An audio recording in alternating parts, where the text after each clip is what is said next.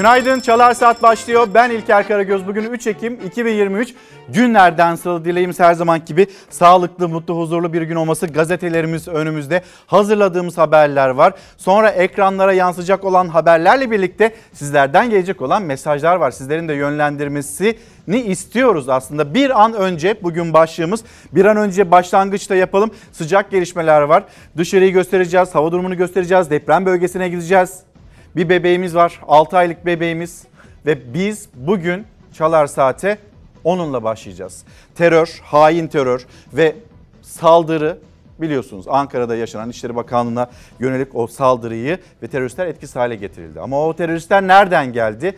Teröristler Kayseri'de bir aracı gasp ettiler ve bir e, teknikeri, veteriner teknikeri Mikail Bozdağ'ını şehit ettiler. Sonra aracını gasp ettiler Ankara'ya geldiler. O hain saldırıyı gerçekleştirmeye çalışırken de etkisiz hale getirildiler.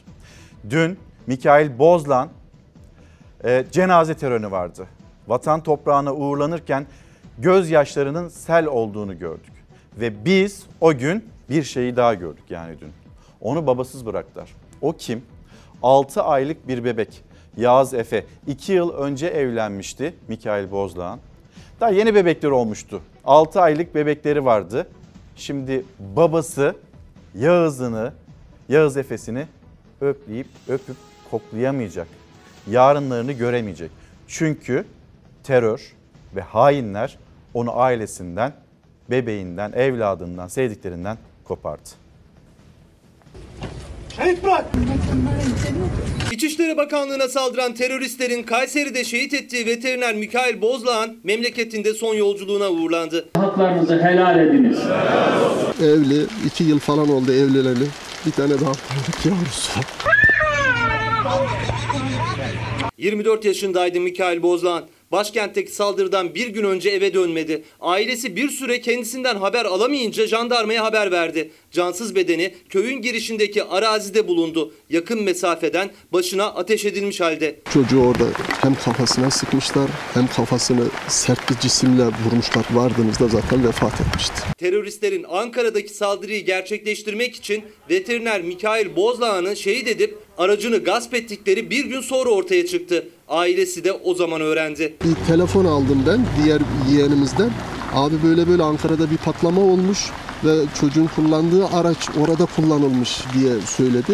Çünkü arkasında bunun sandık ilaçların falan konduğu sandığı var. Yavrucak evine kalorifer yaptırmak için boruları falan almış. Borular niye hala orada gözüküyormuş. Ankara'daki terör saldırısının Kayseri'deki şehidi Mikail Bozlağan için memleketinde cenaze töreni düzenlendi. Cumhurbaşkanı Yardımcısı Cevdet Yılmaz ve İçişleri Bakanı Ali Yerlikaya törendeydi. Cumhurbaşkanı Erdoğan başsağlığı mesajı gönderdi. CHP lideri Kılıçdaroğlu da aileyi arayarak başsağlığı diledi. Şehidin eşi törene bebeği Yağız Asaf'la geldi. İki yıl önce evlenmişlerdi. Bebekleri 6 ay önce dünyaya gelmişti. Teröristler Yağız bebeği babasız bıraktı. Terör şehidi Mikail Bozlağan gözyaşları içinde memleketinde toprağa verildi. Allahu Ekber Allah. Efendim bir son dakika gelişmesi ee, İçişleri Bakanı Ali Yerlikaya bu hain saldırıda yaralanan iki polisimizi ziyaret etti. Akşam saatlerine vermiş olduğu mesajlar önemli. Teröristlere dünyayı dar ediyoruz, başarılı olamayacaklar dedi. Ve sabah saatlerinde de nasıl ki dün sabah e, Irak'ın kuzeyine bir hava harekatıyla uyandıysak 20 teröristlere ait barınak, depo neyse o 20 hedef nasıl vurulduysa yeni günde de yine bir terör operasyonuyla e, uyanıyoruz. Uyuyan hücre operasyonu başlatıldı. Şanlıurfa merkezli 18 ilde de bu operasyon devam ediyor. MİT ve Emniyet Teşkilatı bölücü terör örgütü PKK'ya yönelik Şanlıurfa merkezli 18 ilde uyuyan hücre operasyonu başlattı. Yeni günün son dakika bilgisi bu. Terör operasyonu kapsamında şu ana kadar 90'a yakın şüpheli gözaltına alındı. Detayları geldikçe sizlerle paylaşacağız ve dün geceye dönelim. İçişleri Bakanı Ali Yerlikaya yaralı ve kahraman polislerimizi ziyareti sonrasında çıkışında yapmış olduğu açıklama. Alçak, hain, terör hiçbir zaman başarılı olamayacak. Son çırpınışları her noktada ama her noktada yurt içinde yurt içinde onlara dünyayı dar ediyoruz. Ankara'daki hain saldırı girişimi sonrası terör örgütü PKK, YPG'ye yönelik operasyonlar hem yurt içinde hem yurt dışında hızlandı. Sabah saatlerinde Emniyet ve MİT, Şanlıurfa merkezli 18 ilde eş zamanlı uyuyan hücre operasyonu başlattı. 90 şüpheli gözaltına alındı. Son terörist etkisiz hale getirilinceye kadar bunlarla azimle, kararlılıkla mücadele edeceğiz. Ankara'da terör saldırısı girişiminde yaralanan polisleri ziyaret etti dün akşam saatlerinde İçişleri Bakanı Ali Yerlikaya. Alim kardeşimizin yanına gittik. Morali iyi, kendini çok iyi hissediyor, gayet neşeli. Bakan yaralı polislerin durumunun iyi olduğunu belirtti. Erkan kardeşimizin yanına geçtik. Bugün e, küçük bir operasyon geçirdi. Onun da gayet başarılı olduğunu e, öğrendik. Onun da morali çok iyi. Zaten o hafifti biliyorsunuz. Kahramanlarımızla biz iftihar ediyoruz, gurur duyuyoruz. Ziyaret sonrası terörle mücadelede kararlılık mesajı verdi Ali Yerlikaya. Sabah saatlerinde ise operasyon vardı. Şanlıurfa merkezli İstanbul, Antalya, Adana, Bursa, Diyarbakır, Gaziantep, Mardin, Mersin, Denizli, Konya, Kayseri, Batman, Isparta, Balıkesir, Şırnak, Kocaeli ve Amasya'da eş zamanlı başlatılan Uyan Hücre Operasyonu kapsamında şu ana kadar 90'a yakın kişi gözaltına alındı. Şimdi gazetelere geçiş yapacağız. Sizlerden gelen mesajları da hemen bir göstermek istiyorum. Ee, EYT mağdurlarından gelen bir mesaj. Günaydın İstanbul'dan bir an önce insanca yaşamak için emekli maaşları düzeltilmeli. EYT mağduriyetini de hatırlatıyor. Yine izleyicilerimiz sağlık ve eğitimin ticari olmamasına dair bir paylaşım. Ankara'dan günaydın. Gülay Top'tan sizlere de selamlarımızı iletelim. Ee, Recep Uygun da 2000'lere emeklilikte adalet kademeli emekliliği hatırlatıyor izleyicimiz. Konuşacağız. Bir an önce hayatımıza girsin. Bir an önce hayatımızdan bu konu çıksın dediğiniz konular başlıklar varsa yazıp gönderin. Mesela deprem bölgesine gideceğiz.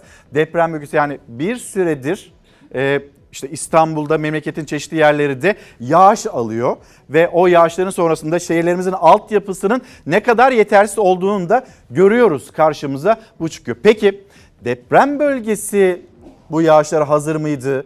Deprem bölgesi kışa hazır mı? Karar gazetesinden de okuyalım. Bir gün gazetesinden de gelsin aslında daha fazlasıyla izleyelim. Özel bir haber izleyeceksiniz. Ali Onur Tosun'un özel haberi Çadır Kent'e gitti dünkü yağışın ardından ve Çadır Kent ne halde onu göreceksiniz. Çadır kentleri yine su bastı. Depremde o kadar canlarımız gitti. Benim kızım öldü de ya. alalım. Bay şimdi önlemini alın. Dün akşam çocuklarım bana soruyor baba biz demeyece gibi öleceğiz.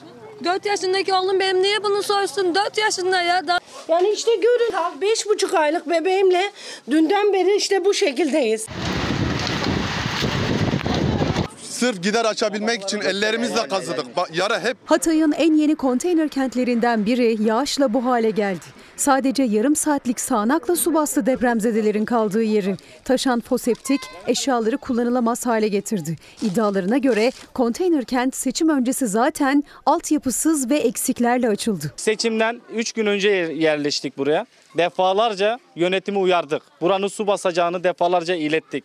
Burası Hatay'da son inşa edilen konteyner kentlerden birisi ama depremden sonra gece saatlerinde bir de sel felaketini yaşadılar. Bütün eşyaları su altında kalan depremzedeler şimdi selden sonra ne yapacaklar onu düşünüyorlar. İşte o su basan konteynerlardan birisi hemen içeri giriyoruz. İçinde ranzalar var.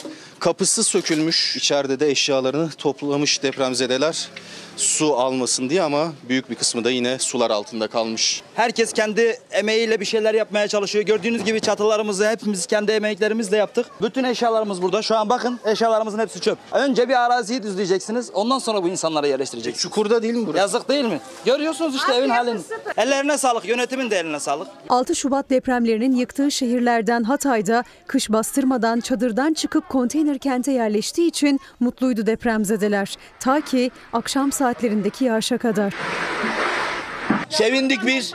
Çadırdan kurtulduk. Bizi üstten vurmayan yağmur alttan vurdu. Hataylı depremzedelerin çektiği TOKİ yani bir prefabrik ev yapamıyorsa bize evleri nasıl yapacak? Seçimden hemen önce taşıdı depremzedeler Emlak Konut'un konteyner kentine. İlk şiddetli yağışta da su bastı. Dün geceden beri dışarıdayız. Altyapı yok altyapı. Altyapı yok. Yönetim sıfır. Daha kış gelmeden bu yağmur. Yarın kış geldiği zaman nasıl olacak halimiz? Kimimiz şartelleri indirdik, kimimiz kestik elektriği kendimiz imkanlarıyla. Çünkü elektrik akımına kapılma durumları var. Çocuklarımız var. Kendi elleriyle su gideri yapmaya çalıştı depremzedeler altyapısız barınaklarının çevresinde. Ama daha büyük tehlikeler de var. Çok geç de olsa önlem alınsın istiyorlar. Dedi ki bana yangın çıkma ihtimali yüksek. Ne yapmam gerekiyor? Dediler ki bana e, pazartesi yönetime bildirin. Dedim bu arada yangın çıkarsa bana dedikleri cevap şansınıza. Ben dedim şansa mı yaşayacağım? Yönetime gittik 5 defa hafta içi bildirdik gelmediler. En son benim çocuğumun banyoda elektrik çarptı. Biz bu mücadeleyi buraya geldik geleli veriyoruz. İnsanlar mücadele ede ede ayakta kalmaya çalışıyor. İşte kara kış da geliyor. Yağışlar, konteyner kentlerin hali. Biz konteynerları ve konteyner kentleri sağlıklı tutamıyorsak ve orada yer böyle yağış, bir yoğun yağış sonrasında su basıyorsa Acaba TOKİ o evleri ne zaman yapacak, nasıl yapacak? İnsanların aklındaki sorulardan bir tanesi de bu. Kış geldi ama Hatay hala hazır değil. Konteyner evlerin halini, durumunu gördünüz. Şimdi bir zam haberiyle devam edeceğiz. Keşke bir an önce o zamlar da hayatımızdan çıksa. Bakın bir izleyicimiz Instagram'dan yazmış göndermiş. Aziz Bey selamlar. Bir emekli maaşı e, kirada olan emeklinin ev kirasını karşılamıyor. Emekliler ne yiyecek ne içecek? E, yani işte kirada yaşayan emekliler ne yapacak? Ya da bir evi var emeklinin o kirada kendisi bir maaş alıyor. Ne o kira e, yetiyor ne aldığı maaş yetiyor. Emekliler de dertlerini anlatıyor. Bir an önce zam istiyorlar. Zamla ilgili de AK Parti Grup Başkan Vekili Muhammed Emin Akbaşoğlu'ndan bir açıklama geldi.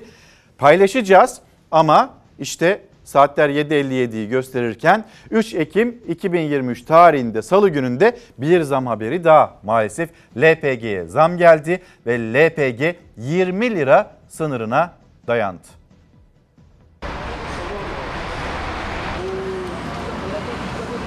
Araç sahiplerinin hesaplı diye tercih ettiği LPG'ye bir zam daha geldi. Gece yarısı gelen 72 kuruşluk zamla litresi 19 liraya dayandı.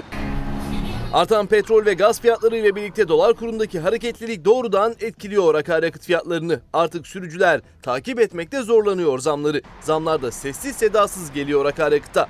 Araç sahipleri akaryakıt istasyonlarına gittiklerinde öğreniyor zamları. Türkiye'de daha hesaplı diye LPG'li araç çokça tercih ediliyor. O kadar ki LPG'li araç kullanımında Türkiye Avrupa birincisi. 2021 verilerine göre her 100 otomobilden 38'i LPG'li. Ancak gelen zamlarla artık LPG de eskisi gibi hesaplı olmuyor.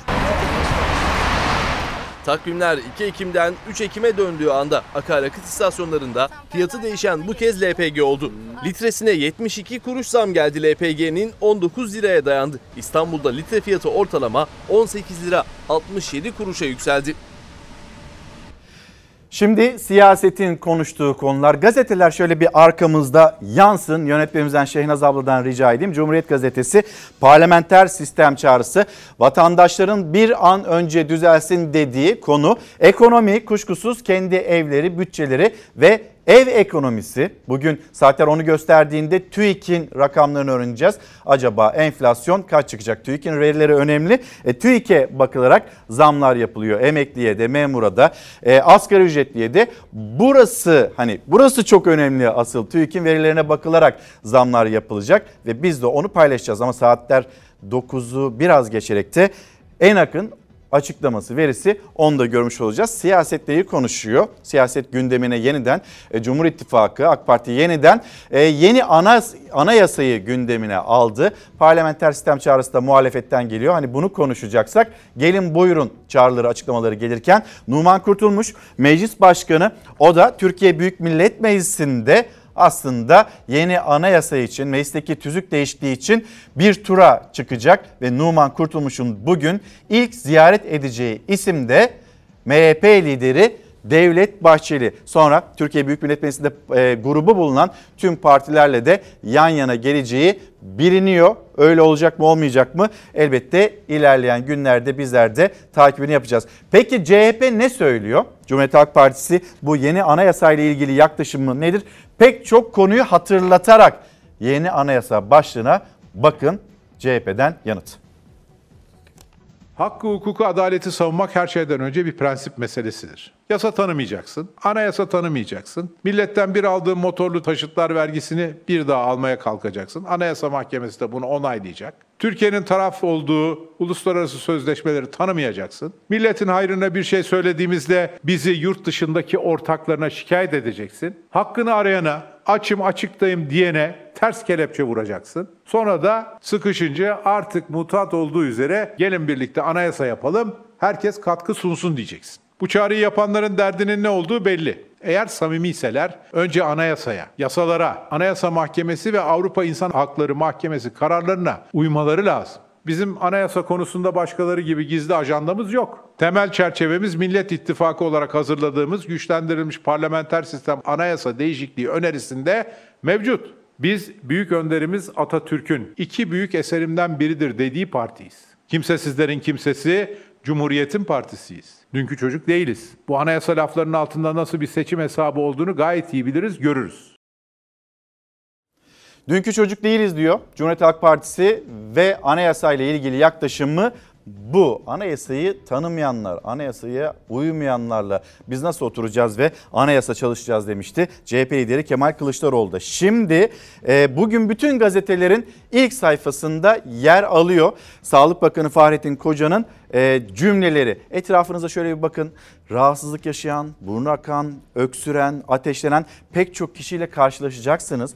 Bir e, salgın var. Bunu acil servislerde de görebilirsiniz. Enfeksiyon hastalıkları uzmanları tarafından da e, baktığınızda, onların yaptığı açıklamalara baktığınızda e, oradan bir tespit yapabilirsiniz. Peki e, ilerleyen günlerde Covid ya da eris varyantı daha da böyle yaygınlaşırsa kapanma olacak mı? Aşı ile ilgili bir seferberlik olacak mı? Sağlık Bakanı buna dair bir açıklama yaptı. Önce dünyadan bir haber diyelim. Nobel e, Sağlık Ödülü isterseniz onu bir getirelim ekranlarınıza. mRNA çalışması Nobel getirdi. 2023 Nobel Tıp Ödülü mRNA içerikli COVID-19 aşısının geliştirilmesini sağlayan Macar asıllı bilim insanı e, Katalin Kariko ve Amerika Birleşik Devletleri'nden bilim insanı Drew Weissman'a verildi. E, ve bu çalışmanın ne kadar kıymetli olduğunu da anlatan, dünyanın nasıl yorumladığını da gösteren bir bilgi yani bilim. Şimdi gelelim e, Sağlık Bakanlığı e, Türkiye'deki ve dünyadaki bu eris varyantının yaygınlığı ile ilgili yaklaşımı bir kapanma olacak mı olmayacak mı?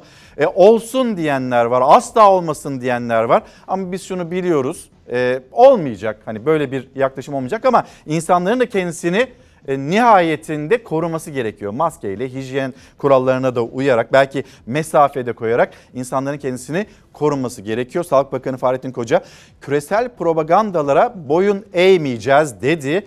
Toplu aşı kampanyası ya da kapanma benzeri tedbirlerde asla hani asla uygulanmayacak açıklaması.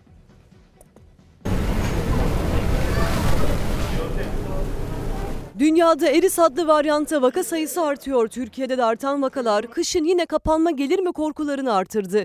O endişelere Sağlık Bakanı Fahrettin Koca nokta koydu. Propaganda eris varyantı sebebiyle tıpkı salgının başlarındakine benzer şu an için asla gerçekçi ve gerekli olmayan bilimsellikten tamamen uzak tedbirlerin uygulanmasına ve aşı kampanyaları başlatılmasına yöneliktir. Koronavirüsün son varyantı kabul edilen eris Türkiye'de de görüldü. Bakan Koca bu varyantın korkulacak düzeyde olmadığını ifade etmişti.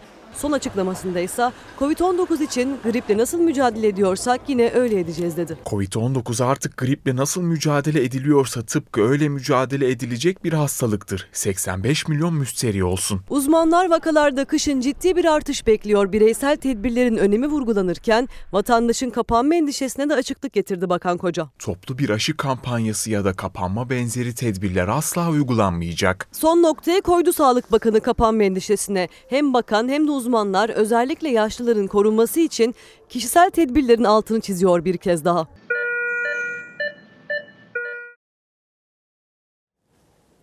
Sağlık Bakanlığı'nın yaklaşımı bu. Bir an önce başlığı altında konuşurken iki bilgiyi paylaşalım. Cumhurbaşkanı Erdoğan e, Türkiye Sermaye Piyasaları Kongresi'ne bir mesaj gönderdi ve bu kongrede ne söyledi? Bakalım hedef daha iyi bir gelir dağılımı. İnşallah diyelim hani emeklilere zam olacak mı? Yılbaşından önce gündeme gelir mi? İnşallah deniliyor ya. E biz de inşallah diyelim hedef daha iyi bir gelir dağılımı. Çok uzun süredir hedef bu. Tutmayan hedeflerden birisi. E, Cumhurbaşkanı Erdoğan enflasyonu yeniden tek haneye indirmeyi ve gelir dağılımını iyileştirmeyi hedeflediklerini söyledi. Gönderdiği mesaj buydu. Bir de önemli yani bir deprem ülkesi Deprem kuşağı üzerinde bir sürü evimiz, konutumuz var. E, kentsel dönüşüme gitsin denildiğinde bazı e, apartmanlarda, komşular arasında, ev sahipleri arasında tartışmalar da yaşanabiliyordu. Dönüşümde yeni bir düzenleme yapılıyor. Eskiden 3'te 2'lik bir çoğunluk beklenirken şimdi salt çoğunluğa geçiş yapılacak. Kentsel dönüşüm yasasında bir değişiklik bu ve kentsel dönüşümde kat malikleri anlaşma oranı 3'te 2'den salt çoğunluğa çekilecek. Kat sahiplerinin yarıdan bir fazlası ile karar alınabilecek. Yarıdan bir fazlaya ulaşıldığında e, müteahhitle mi anlaşılacak ya da işte ne bileyim İstanbul'da bunu yapmak için devreye giren e, adreslerden birisi Kiptaş. Böyle anlaşmalar gerçekleşebilir. Salt çoğunlukta yarıdan bir fazlayla bilgisini paylaşmış olalım. Gelelim yeniden deprem bölgesine bu haberden sonra deprem bölgesinde öğrencilerimiz var. O öğrencilerimiz uzun bir mesafeden okullarına ulaşmaya çalışıyorlar. Servis konusunda yetersizlikler. Bir de e, orada bir yurt gibi artık o çadır kentlerde e, ders çalışmaya çalışıyorlar. Hayatta kalmaya çalışıyorlar. Onların derdini de ekranlara taşıyalım ki bir an önce bu meselede Türkiye'nin gündeminden çıkabilsin. 10 kişi bir çadırda kalıyoruz. Ki oradaki hijyen koşulları nasıl olur hiç bilmiyorum. Kaldığımız yurt tipinin parasını ödüyoruz şu an ama çadırda kalıyoruz. Üniversiteler açıldı, depremzede öğrencilerse hala çadırda. Hatay'da İskenderun Teknik Üniversitesi öğrencilerinin kaldığı yurt orta hasarlı. Büyük depremlerin üstünden yaklaşık 8 ay geçti ama güçlendirme tamamlanamadı. Öğrenciler KYK yurdu için ücret ödemeye devam ederken NATO'nun kurduğu çadır kente yerleştirildi. Kesinlikle ders çalışmamız mümkün değil. Zaten iki masa koymuşlar. E, hepimiz de mühendislik öğrencisiyiz. Çoğu da mimar zaten orada maket falan yapmaları gerekiyor. Kesinlikle yer yok. Onu hiçbir şekilde yapamayız. Ders çalışamayız o çadırlarda. Yurtları depremde ağır hasar alan öğrenciler NATO'nun kurduğu bu çadır kente yerleştirildi. Çadırda en az 10 kişi kalıyorlar. Banyo, tuvaletler ise ortak onun içinde en az 100-150 metre yürümeleri gerekiyor. Biz son çadırda kalıyoruz ama duş vesaire banyo bize bir 150-200 metre yürümemiz lazım. Hadi ben bu havada duşa bu havada yürürüm bir şekilde ama kışın ben duş alıp çadırıma gelene kadar 200 metre yürümem gerekiyor. Çadırın içinde dolap eksikliğimiz var. Yani benim şu an mesela koyduğum dolap yok. Benim ben valizimi alıyorum eşyalarımı. Depremin hemen ardından ağır hasarlı olarak tespit edildi bu bina. Sonrasında ise hasar durumu orta hasara çevrildi. Şimdi de güçlendirilmesi planlanıyor. Ama proje ne zaman bitecek? Öğrenciler ne zaman yurtlarına kavuşup çadırlardan kurtulacak? Bunu kimse bilmiyor. 9 ay böyle geçmez. İnşallah bir şeyler yaparlar artık. Hani daha hala burada servis bekliyoruz. Hiçbir şey yok. Hani yakında bir dükkan, bakkal, market vesaire hiçbir şey yok. Bir çadırda 10 öğrenci kalıyor. Ortak tuvaletler 200 metre mesafede hijyenden uzak. Uzak oldukları bir yerde okulları. 900 öğrenci kalıyor çadır kentte. İlk gün için 40 kişilik servis organize edildi. Öğrenciler ilk derse geç kaldı. Geri kalanlar kendi imkanlarıyla gitmeye çalıştı. Okula servis ayarlayacaklardı. 6.30'da uyandığımda hala da buradayım yani. 9.30'da ders başlayacak hala servis yok. Ben denedim ilk geldiğim şehri de görmek için yürüdüm. Tam 1 saat 4 dakika sürdü. Üniversite öğrencileri yeni eğitim yılını çadırda karşıladı. Barınabilecekleri bir yurt istiyorlar. Çözülene dek de en azından ulaşım desteği bekliyorlar. Yürüyebilsem bile 900 kişi buradan yürüyemez. Karşıya geçemeyiz. Dolmuşlar 900 kişi alamaz. Planlanmanın hepsi 900 bin kişiye göre hesaplanması gerekiyordu. Şimdi bu çok büyük bir mesele. Bu öğrenciler ne olacak?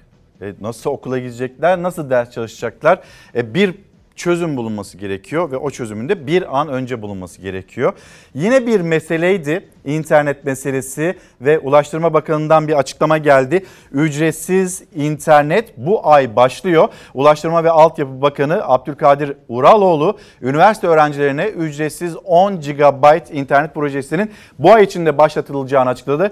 Proje 3,5 milyon, 3,6 milyon öğrenciyi kapsayacak ve açık öğretimde okuyan öğrencilerimiz de var. E biz ne olacağız? Biz niye kapsam dışı bırakılıyoruz diyerek de onlar da kendi durumlarını anlatıyorlar. Gelen mesajlar hemen onları da paylaşalım. Günaydın e, İlker Bey demiş Mehmet Bey de. E, biz çiftçileri unutmayın gübrenin çuvalı 700 lira olmuş mazot 40 liranın üzerinde. Biz nasıl ekeceğiz?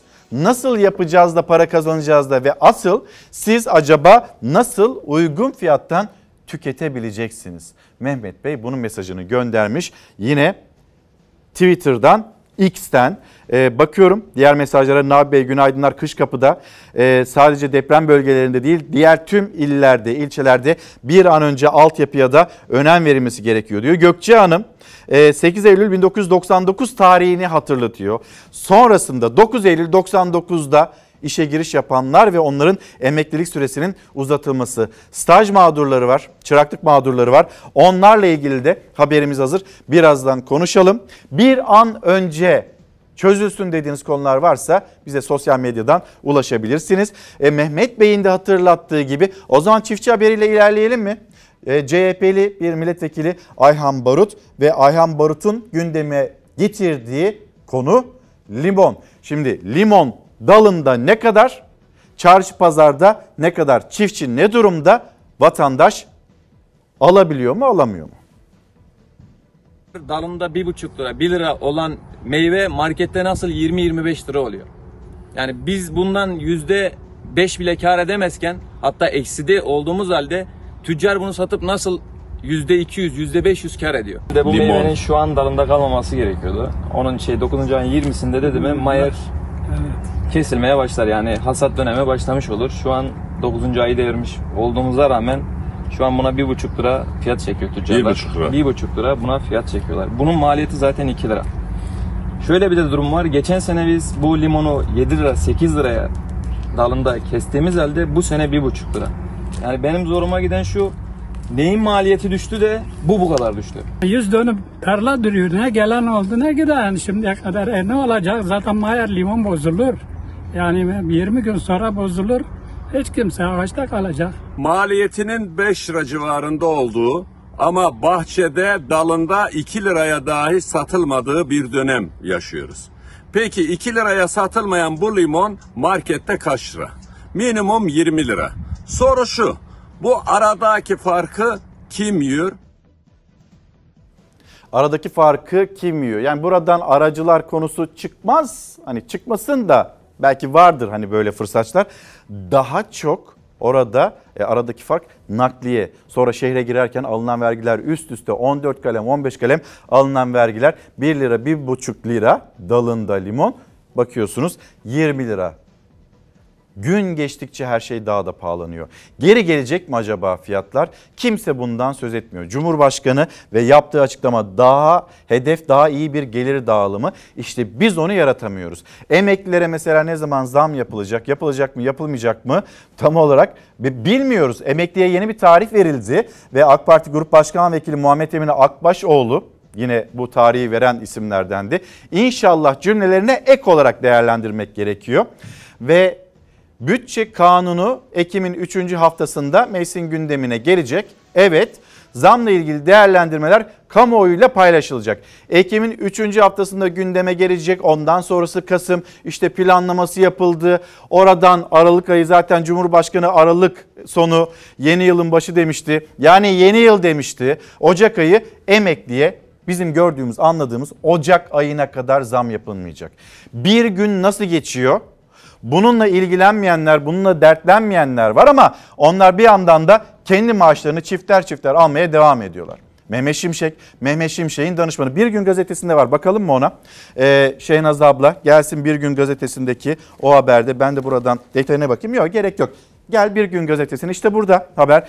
Danışmanlarına dahi çifte maaş çift maaş alan yandaşlara her geçen gün bir yenisi ekleniyor. Şimdi ülkeyi ekonomik krizden çıkaracağı iddia edilen ve kamu kurumlarına tasarruf genelgesi gönderen Hazine ve Maliye Bakanı Mehmet Şimşek'in basın danışmanı Mehmet Şimşek'in basın danışmanının da çifte maaşı olduğu bilgisi. Haberin içine baktığınızda ya da danışmanla konuştuğunuzda e, verdiği röportajda bilgide bu bana özel bir şey değil ki. Evet kendisine özel bir durum değil. Danışmansanız ikinci bir maaşınız var. Böyle bir durum var.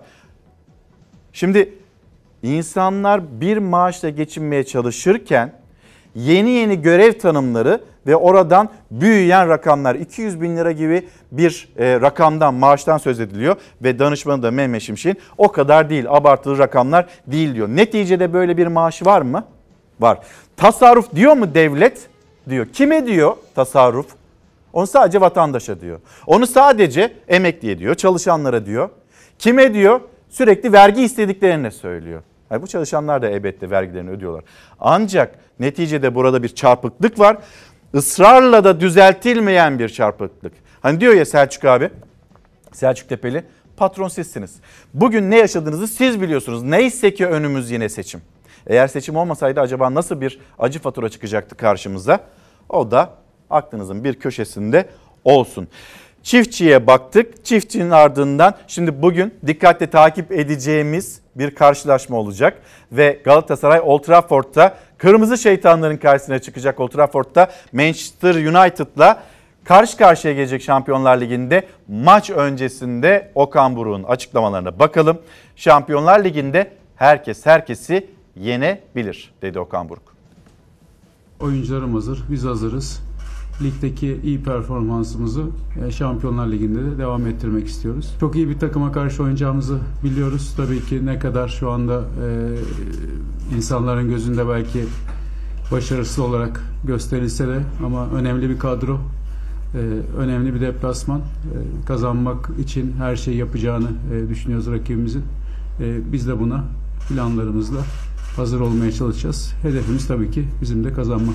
Bu alanda, bu arenada e, olmayı önemsiyoruz ve e, burayı Galatasaray takımının hak ettiğini e, düşünüyoruz, biliyoruz. Oyuncu kadromuzla da e, burada oynamaya, iyi oynamaya ve e, yine kendi futbolumuzu oynamaya e, hazır hissediyoruz kendimizi. Onun yanında en tehlikeli maçlar bunlardır aslında yani şu anda Manchester United ne kadar e, kendi liginde iyi durumda olmasa da e, Şampiyonlar Ligi'ne kaybederek başlasa da e, kendi sahasında kendisi için bir çıkış maçına çıkacak.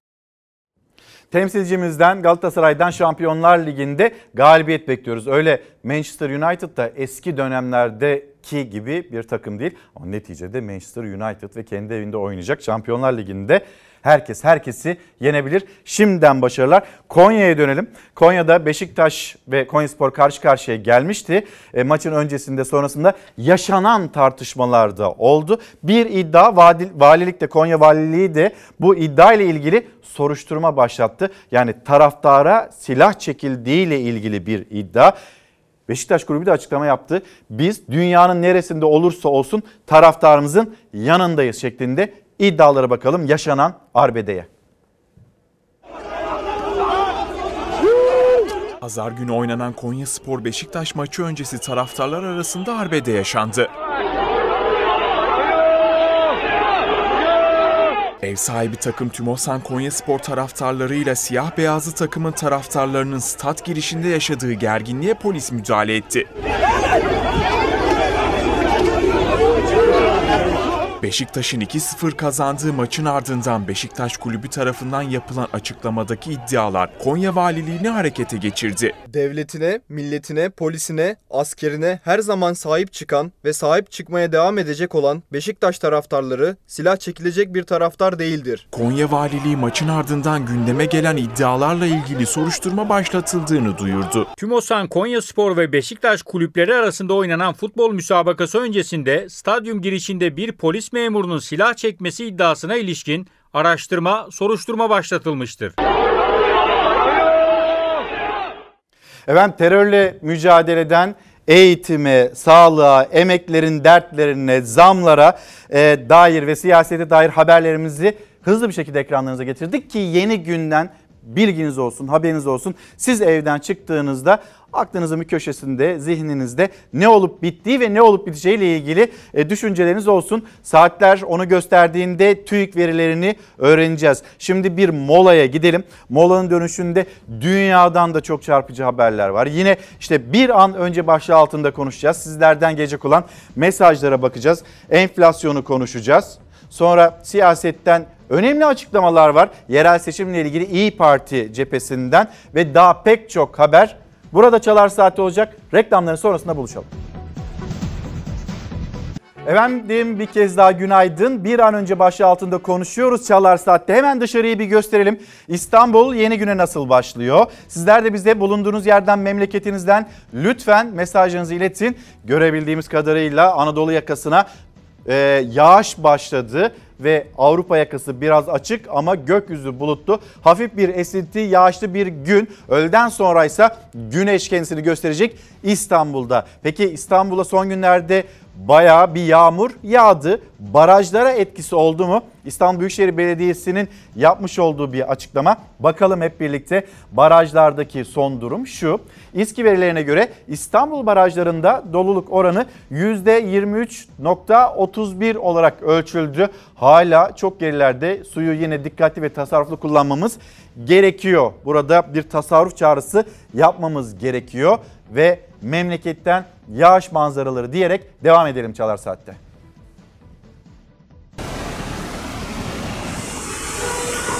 Yurdun dört bir yanı yağışlı havanın etkisinde su seviyesi azalan barajların yüzü gülse de altyapıların kaldıramadığı noktalarda aşırı yağışlar olumsuzlukları yine beraberinde getirdi. Aksaray'da bir evin oturma odası tavana kadar su doldu. Dört çocuk boğulmak üzereyken son anda kurtarıldı. Aksaray'da etkisini artıran yağışlar 3 katlı bir apartmanın bodrum katında yaşayan Suriye uyruklu ailenin 4 çocuğunu ölümle burun buruna getirdi. İki çocuk apartmanda yaşayan vatandaşlar tarafından, diğer iki çocuksa itfaiye ekipleri tarafından kurtarıldı. Durumları iyi. Bitlis'te sağanak yağış taşkına yollarda, caddelerde göçüklere sebep oldu. Gece boyunca süren sağanak yağış su baskınlarını da beraberinde getirdi. Nur Caddesi'nin altyapısı basınçlı suya dayanamadı. Göçük meydana geldi. Hatay'da konteyner ve çadır kentler su altında kaldı depremzedeler. Bir de su baskınlarıyla alınmayan tedbirler yüzünden baş başa kaldı. Hatay'ın dört yol ilçesinde Yeşilköy mahallesinde ise ağaçlık alanı yıldırım düştü. Yangın kısa sürede söndürüldü. Ağaç alev alev yanıyor. Diyarbakır'da önce sağanak yağmur ardından dolu yolları kapattı. Kulp ilçesine bağlı Aygün mahallesinde taşkınlar sebebiyle tarım arazilerini su bastı. Erzurum'da saatlerce aralıksız yağan sağanak yağmur trafiği olumsuz etkiledi. Araçlar yolda kaldı. Park halindeki bir otomobil yolun çökmesi sonucu toprağa saplandı. Osmaniye'de ise çakan şimşekler geceyi aydınlattı. Şimdi yeni güne e, İçişleri Bakanlığı tarafından başlatılmış o e, haberle ve e, MIT ve Emniyet'ten 18 ilde uyuyan hücre operasyonuyla başlamıştık. 90'a yakın Şanlıurfa merkezli e, bu e, uyuyan hücre operasyonunda 90'a yakın gözaltı var. Ali Yerlikaya'dan İçişleri Bakanı Ali Yerlikaya'dan yeni bir bilgi hemen o da e, gelsin ekranlarınıza. Bölücü terör örgütlerine yönelik tüm Türkiye'de başlatılan kahramanlar operasyonları kapsamında Mersin, Van, Şanlıurfa, Mardin ve Aydın'da 12 şüpheli terör örgütü üyesi yakalandı diyor Ali Yerlikaya. E, bölücü terör örgütünün istihbarat yapılanmasına yönelik Şanlıurfa merkezli Mardin, Diyarbakır, Gaziantep, Mersin, Şırnak, İstanbul, Bursa, Batman, Denizli, Adana, Kayseri, Antalya, Konya, Isparta, Kocaeli olmak üzere 16 ilde yapılan operasyonlarda 55 şüpheli te- terör örgütü mensubu yakalandı. Ve diyor ki Ali Yerlikaya güvenlik güçlerimizin üstün gayretleriyle mücadelemiz devam edecek. Teröristlerin hiçbirine göz açtırmayacağız ve burada da operasyonun görüntülerini de paylaşıyor Ali Yerlikaya. E, o evler, o adresler nasıl basıldı? Bakayım şöyle göstereyim sizlere. Ekranlarınıza da gelsin. Sıcağı sıcağına Türkiye ile paylaşıyor. İçişleri Bakanı üyeyen hücre operasyonu. Ankara'da İçişleri Bakanlığı yönelik operasyondan düzen düzeltiyorum. İçişleri Bakanlığı yönelik terör saldırısından sonra e, dün akşam saatlerinde e, Irak'ın kuzeyine operasyonlar düzenlendi. Sonra bölücü terör örgütlerine yönelik yine operasyonlar devam etti. İçişleri Bakanlığı da yeni günde nerelere, hangi şehirlere ve hangi hücre yapılarına operasyon düzenlendiğinin bilgisini paylaştı. Ekranlarınızda olsun. Peki şimdi devam edeceğiz. Önemli bir uyarı var. Ee, Deva Partisi Genel Başkanı Ali Babacan'dan nedir o derseniz dolandırıcılık uyarısı. Kendisinin ismi de kullanılarak bazı kişiler e, dolandırıcılık yapmaya kalkışmışlar. Sosyal medyasından duyurdu Ali Babacan. İsmimin dolandırıcılık faaliyetlerine alet edildiğini öğrendim. Sanki benim tarafımdan söylenmiş gibi haber süsü verilerek şuraya şu kadar para yatırın türü içerikler tamamen yalandır diyor Ali Babacan. Bir de ittifaklar konusuna geçelim. İttifaklarla ilgili de ee, İyi Parti'nin İzmir Büyükşehir Belediye Başkanı adayı Ümit Özlale ve İstanbul'da bir işbirliği, bir ittifak olacak mı olmayacak mı kapıyı açık bıraktı. Ee, Cansu Çamlıbel'in sorularını yanıtladı ve şunu söyledi. Eğer İmamoğlu İstanbul etrafında ittifakı oluşturma niyetinde ise partilere gelecektir. Kendisi geldiği zaman da bizler o durumu değerlendirebiliriz. Yani kapıyı açık bırakıyor. Ümit Özdağ'ın ağzından İyi Parti ama Ankara'da aday gösterecek mi? Evet Ankara'da biz aday göstereceğiz dedi. Yine İzmir'deki adaylığından geri çekilme söz konusu olur mu? Orada da res çekiyor. Diyor ki Özdağ İzmir'deki adaylığımın geri çekilmesi gibi bir durum ortaya çıkarsa o zaman ben de İyi Parti'deki tüm görevlerimden geri çekilmiş olurum. Yani ona göre bir yaklaşım sergilensin ya da beklentisini bu cümlelerle bir gözdağı bir rest cümlesiyle de ortaya koyuyor. Gelelim şimdi bir de Gelecek Partisi ittifaklarla ilgili ne söylüyor? Ee, ve orada da Selçuk Özdağ'ın önemli açıklamaları var. İttifak olmalı mı olmamalı mı ve Selçuk Özdağ'ın çarpıcı çıkışı. Muhalefet bir araya gelmeli.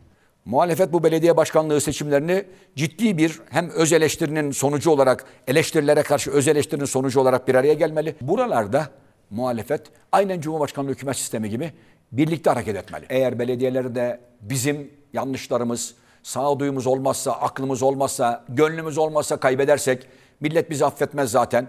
Tarih de bizi affetmez. Aynı zamanda da ben size söyleyeyim bir daha da muhalefet olmaz Türkiye'de. Olan muhalefet şeklen olur. Yani ruhu olmaz o muhalefetin. O muhalefetin iradesi olmaz. Mevcut iktidara karşı belediyeler alıp orada da başarılı olup sonra dönüp iktidara devletin tüm imkanları elinizde başarılı değilsiniz. Enflasyonu yenememişsiniz. Hayat pahalılığı yenememişsiniz. Mülakatı kaldıramamışsınız. Hala işsizliği giderememişsiniz. Dışarıda Türkiye itibarlı yapamamışsınız. Parayı değerli yapamamışsınız. Deme hakkına sahip olmalıyız.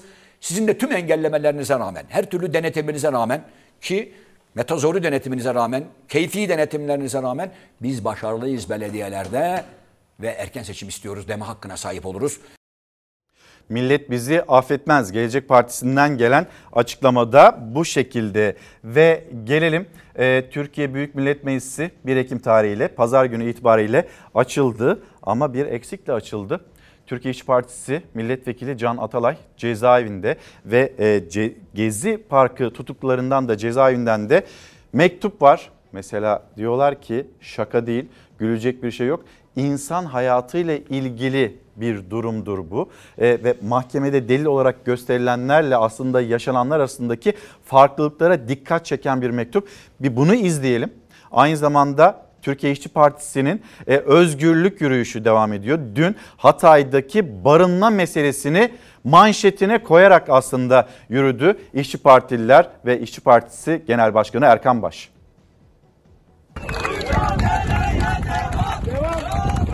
84. maddede kesin hükmün genel kurulda okunmasıyla birlikte milletvekilliği düşüyor. Tüm bu süreçleri hep beraber takip edeceğiz. Adalet Bakanı'nın bahsettiği prosedürün işleyebilmesi için Anayasa Mahkemesi'ne yapılmış başvurunun da reddedilmiş olması gerekir. Yargıtay'ın Gezi davası kararını onamasının ardından tutuklu milletvekili Can Atalay ile ilgili hakkındaki hüküm mecliste okununca vekilliği düşer diyen Adalet Bakanı'na tepki gösterdi.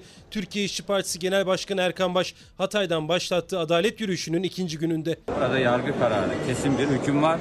Kesin hükümün sonuçları ne olur? Anayasamızda zaten yazılmış ve bu kurallara hepimiz uyacağız. Ne demişti daha önce Adalet Bakanı? E, hükümlüdür demişti. Değil mi? Kararın kesin olduğunu söylemişti. E şimdi karar yok mu? o zaman bir karar yoktu. Şimdi Yargıtay'ın kararından sonra bir kez daha bundan 4 ay önce söylediği şeyi tekrar söylüyor ama yine eksik biliyor. Tutuklu milletvekili Can Atalay hakkındaki 18 yıl hapis cezasını onadığı Yargıtay 3. Dairesi Anayasa Mahkemesi'nin 5 Ekim'de görüşeceği hak ihlali başvurusuna ilişkin kararını beklemedi. Adalet Bakanı Yılmaz Tunç hüküm mecliste okununca vekillik düşecek diyor. Anayasa Mahkemesi'nin 5 Ekim'deki kararı beklenmeden Atalay hakkındaki hüküm genel kurulda okunacak mı bilinmiyor. 84. maddesindeki usul belli. Bu usulle ilgili olarak herhangi bir istisna varsa maddelere baktığımız zaman bir istisna söz konusu değil. Daha önceki Ömer Faruk Gergerlioğlu kararında gördüğümüz üzere Yargıtay'ın verdiği kararlar kesin hüküm anlamına gelmez. Benzer süreç daha önce Ömer Faruk Gergerlioğlu ile ilgili yaşandı. Milletvekilliği devam ederken Yargıtay cezasını onadı. Mecliste gözaltına alındı, milletvekilliği düşürüldü. Anayasa Mahkemesi'nin hak ihlali kararı vermesiyle Gergerlioğlu'na vekilliği aylar sonra iade edildi. Can Atalay ile ilgili sürecin nasıl işleyeceğinde gözler. Karar ortada, gerekçeli karar herkesin elinde. Herkes okusun. Bu cezaların hangi gerekçeyle verildiğini herkes görebilir. 27 Haziran 2013'te yapılan Garaj İstanbul toplantısına katıldığı ve bu hususun fiziki takip tutanaklarıyla doğrulandığı kanıtla geliyor yani. Fiziki takip var, fotoğraf var diyor. Peki işin aslı ne? Ben o tarihte ve saatlerde İzmir'de sinemaya dair bir kamusal toplantıda sahnedeyim, konuşmacıyım. Gezi davasında hakkındaki 18 yıl hapis cezası onanan Çiğdem Mater cezaevinden yazdığı mektupta yer verdi bu satırlara. Katılmadığı bir toplantının dahi cezaya gerekçe gösterildiğini yazdı. 78 sayfalık kararın her bir satırı 5 insan, 5 hayat için böyle örneklerle dolu. Söz ettiğimiz şey hayatlarımız, insan hayatları. Şaka değil, gülecek bir şey yok. ceza vermek konusunda bir kararlılıkla karşı karşıyayız. Bu imzalar atıldıktan sonra o hayatlar nasıl sürdürülüyor? O vicdanlar eee, nasıl rahat ediyor? İnsanların hayatlarını karartmak için bunların artık delile bile ihtiyaç duymuyorlar bunlar. Kendilerine hain FETÖ'den miras kalan dosyaları Gezi'yi karalamak için pervasızca kullanıyorlar. Yargıtay 3. Dairesi'nin kararına hem cezaları onanan isimler tepkili muhalefet. Gözler 3 Ekim'deki Meclis Genel Kurulu'na çevrildi. Milletvekili Can Atalay ile ilgili hükmün okunup okunmayacağına. Şimdi o hüküm okunacak mı, okunmayacak mı? Bunu takip ediyoruz. Yeni günün en önemli haberlerinden birisi Milli Eğitim Bakanı Yusuf Tekin ve mülakatla ilgili yapmış olduğu açıklama gazeteci Kıvanç Ele konuştu ve ben size açık çek veriyorum. Mülakatın arkasında ben duracağım diyor Yusuf Tekin. Ben ona göre komisyon komisyonlar oluşturacağım. Aday kimin huzurunda mülakata gireceğini bilmeyecek. Jüri üyeleri kimin mülakata gireceğini bilmeyecek. Tüm bunlarla birlikte kamera kaydı alacağız. Yani biz aynı zamanda jüri üyelerini de denetleyeceğiz diyor. Ama biz öncesinde seçiminde duymuştuk. Kamuya alımlarda mülakat kalkacak.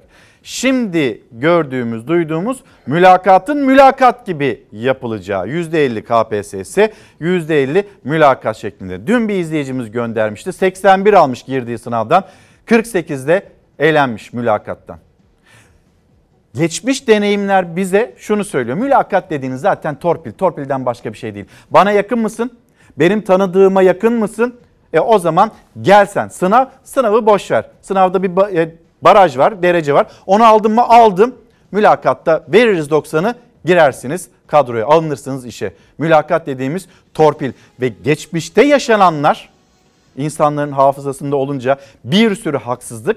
Burada Sayın Milli Eğitim Bakanı belki iyi niyetle ortaya çıkıyor ve açık da bir çek veriyor. Mülakatın e, denetleyicisi en başta ben olacağım diyerek kul hakkı da yemem diyerek ama neticede insanlar düne bakıp bugüne nasıl güvenecekler? Mülakat meselesi yine bugün Türkiye'nin en önemli konularından birisi.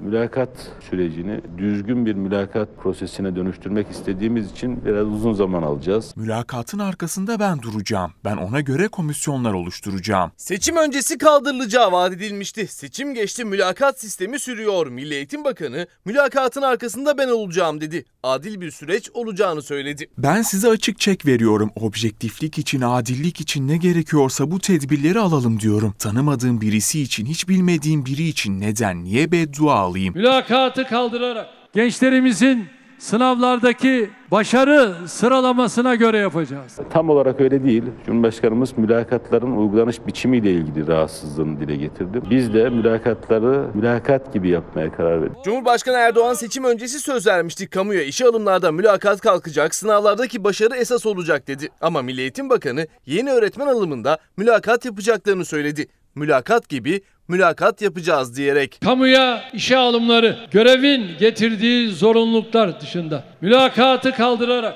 gençlerimizin sınavlardaki başarı sıralamasına göre yapacağız. Tam olarak öyle değil. Cumhurbaşkanımız mülakatların uygulanış biçimiyle ilgili rahatsızlığını dile getirdi. Biz de mülakatları mülakat gibi yapmaya karar verdik. Bakan Tekin vazgeçilmeyen o mülakat sürecinin yeni dönemde nasıl olacağını anlattı. Aday kimin huzurunda mülakata gireceğini bilmiyor. Jüri üyeleri kimin mülakata gireceğini bilmiyor. Aday cevaplarını sınavın son 5 dakikası kağıda yazıp şunları söyledim diye altına imza atıyor. Kamera kaydı alacağız. Kamera mülakatı yapanlar için de bir denetim mekanizması. Onları da denetlemiş olacağız. Doçevelle'ye konuştu Bakan Tekin. Öğrencilere verileceği söylenen öğün desteği de soruldu bakana. Bakan tarih vermedi. Bazı okullarda yemek veriyoruz. 5 milyon çocuğa verilmesi için de çalışıyoruz. Planlama ve koordinasyon çalışması yapılıyor. Bu büyük bir organizasyon ve çok iyi planlama yapılması gerekiyor. Öğrencilerin beslenme çantasını hazırlamakta, kırtasiye ihtiyaçlarını karşılamakta zor yaşanan hayat pahalılığı nedeniyle.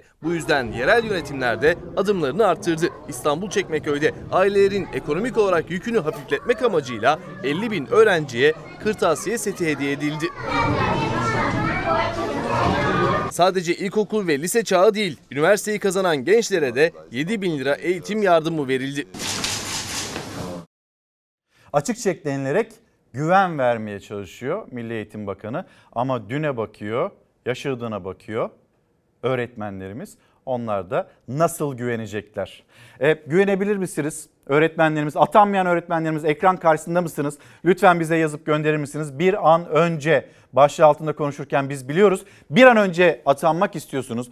Sınıflarınızla, öğrencilerinizle buluşmak istiyorsunuz. Ama diğer tarafta da bir mülakat konusu ve bununla ilgili düşüncelerinizi de merak ediyoruz. Gelelim beslenme çantası ile ilgili cümleler. Yine seçimden önce başlamış olan bir uygulama okul öncesinde. E sonra ne oldu? Seçim bitti.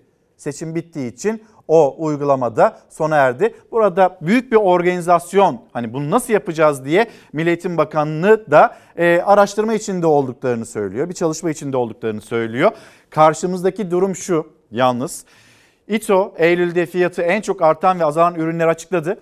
Defterin fiyatı ikiye katlandı. Eylül ayında fiyatı en çok artan ürün yani zam şampiyonu Eylül ayında İTO'ya göre ne derseniz zam şampiyonu defter. %98.94 ile defter oldu. Erik %16.46 düşüşte fiyatı en çok azalış gösteren ürünlerin başında geldi. İTO'nun enflasyonu %73 seviyesinde. Biz göreceğiz acaba e, TÜİK nasıl bir veri açıklayacak, önümüze koyacak. Şimdi Musul'a gidelim. Musul'daki o düğün felaketini biliyorsunuz, gördünüz ve orada dün Çalar Saat Bülten sorumlusu Zafer Söken de anlatmıştı. Musul'da işte gelin ve damat yaşadıkları dehşeti anlatırken gelin artık konuşamıyor. Yaşadığı şoktan kaybettiği yakınları var. 10, 10'dan fazla belki yakınını kaybetti orada yakın birinci derece yakınını kaybetti gelin ve şu anda girdiği şoktan çıkamıyor. Konuşamıyor ve karşımızda o yangının nasıl çıktığının dehşete düşüren görüntüleri var.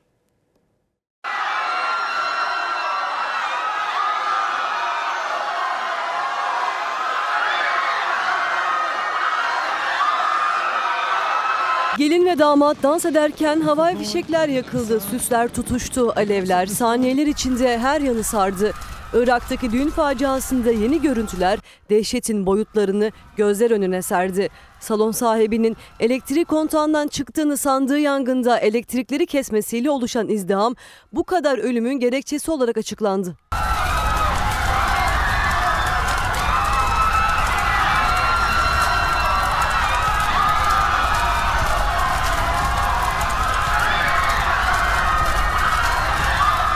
Irak İçişleri Bakanlığı Musul kentinde yüzden fazla kişinin öldüğü facianın yeni görüntülerini yayınladı.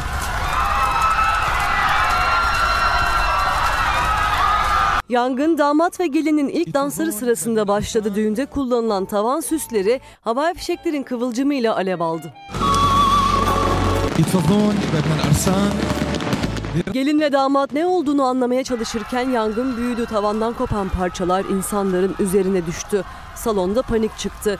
Canını kurtarmak isteyen davetliler kapıyı akın etti. İzdihamın en büyük nedenleri arasında salon sahibinin elektrik kontağını indirmesi var.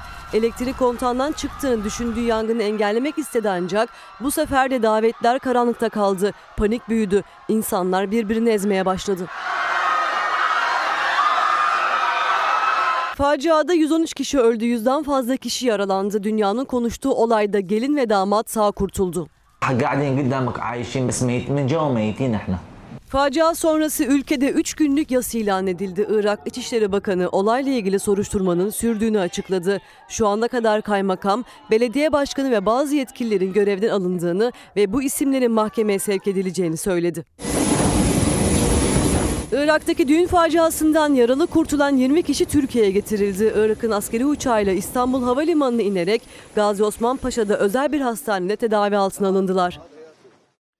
Şimdi de İngiltere'ye gidelim. Görüntüleri gelsin hemen ekranlarınıza. İngiltere'nin Oxford kenti yakınlarında akşam saatlerinde büyük bir patlama meydana geldi ve görenlerin de böyle büyük bir endişeyi yaşadığını e, söyleyebiliriz. Devasa ateş bir topu, ateş topu gökyüzünü nasıl aydınlatıyor? Görüyorsunuz ekranlarınıza da geliyor. Geri dönüşüm tesisindeki biyogaz tankına yıldırım isabet ettiği için bu patlama meydana geldi ve patlamada kimsenin zarar görmediği açıklandı. İngiltere kaynakları tarafından bir kez daha kalsın. İşte Oxford burası İngiltere'nin Oxford kenti geri dönüşüm tesisindeki biyogaz tankına yıldırım isabet etti ve gökyüzüne yükselen o alev topu devasa bir yangın çıktı. Ve geleceğiz ülkemize, memleketimizde 5 Eylül tarihinde yaşanan bir olaydı. Ee, işte İstanbul Beyoğlu'nda bir bankta oturan iki kişiye saldırı, işte çivili sopalarla saldırganlar üzerlerine gelmişlerdi. Bunun görüntüleri çıktı. Bir kere o görüntülere bakalım. Sonra o saldırganlar gözaltına alınmıştı ya. Ne oldu dersiniz onlara? İzleyelim.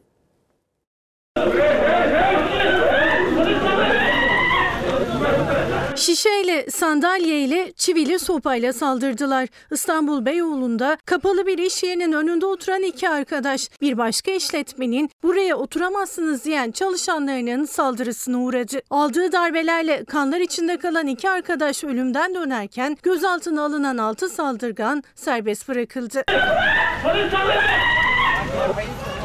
5 Eylül'de Taksim'de stüdyosu olan dövme sanatçısı Yeliz Özcan aynı mahallede gece kulübünde çalışan arkadaşı Mehmet İbil'le buluştu. İki arkadaş kapalı bir mekanın önüne oturdu, tartışma çıktı. Beyoğlu Asmalı Mescid'deki mekandan çıkan iki arkadaş bu sokakta yürümeye başladı ve buraya geldiklerinde burada dinlenip oturmak istediler. İddiaya göre saldırganlar buraya oturamazsınız diyerek ikiliye önce sözlü sonra da çivili sopalarla saldırmaya başladılar. Kaçmak isteyen iki arkadaşı takip eden 6 gece kulübü çalışanı çivili sopalarla saldırmaya devam etti. Olayı gören esnaf iki arkadaşın yardımına koştu. Fiziksel olarak iyileşmeye devam ediyoruz. Psikolojik kısmı ise zamanla atlatacağımıza inanıyorum. Olayın failleri 26 gündür hala serbest. Ambulansla hastaneye kaldırılan Yeliz Özcan ve Mehmet İbili'nin başına toplam 17 dikiş atıldı. Saldırganlardan şikayetçi olan ikilinin ifadesiyle 6 saldırgan gözaltına alınsa da ifade verdikten sonra serbest kaldılar.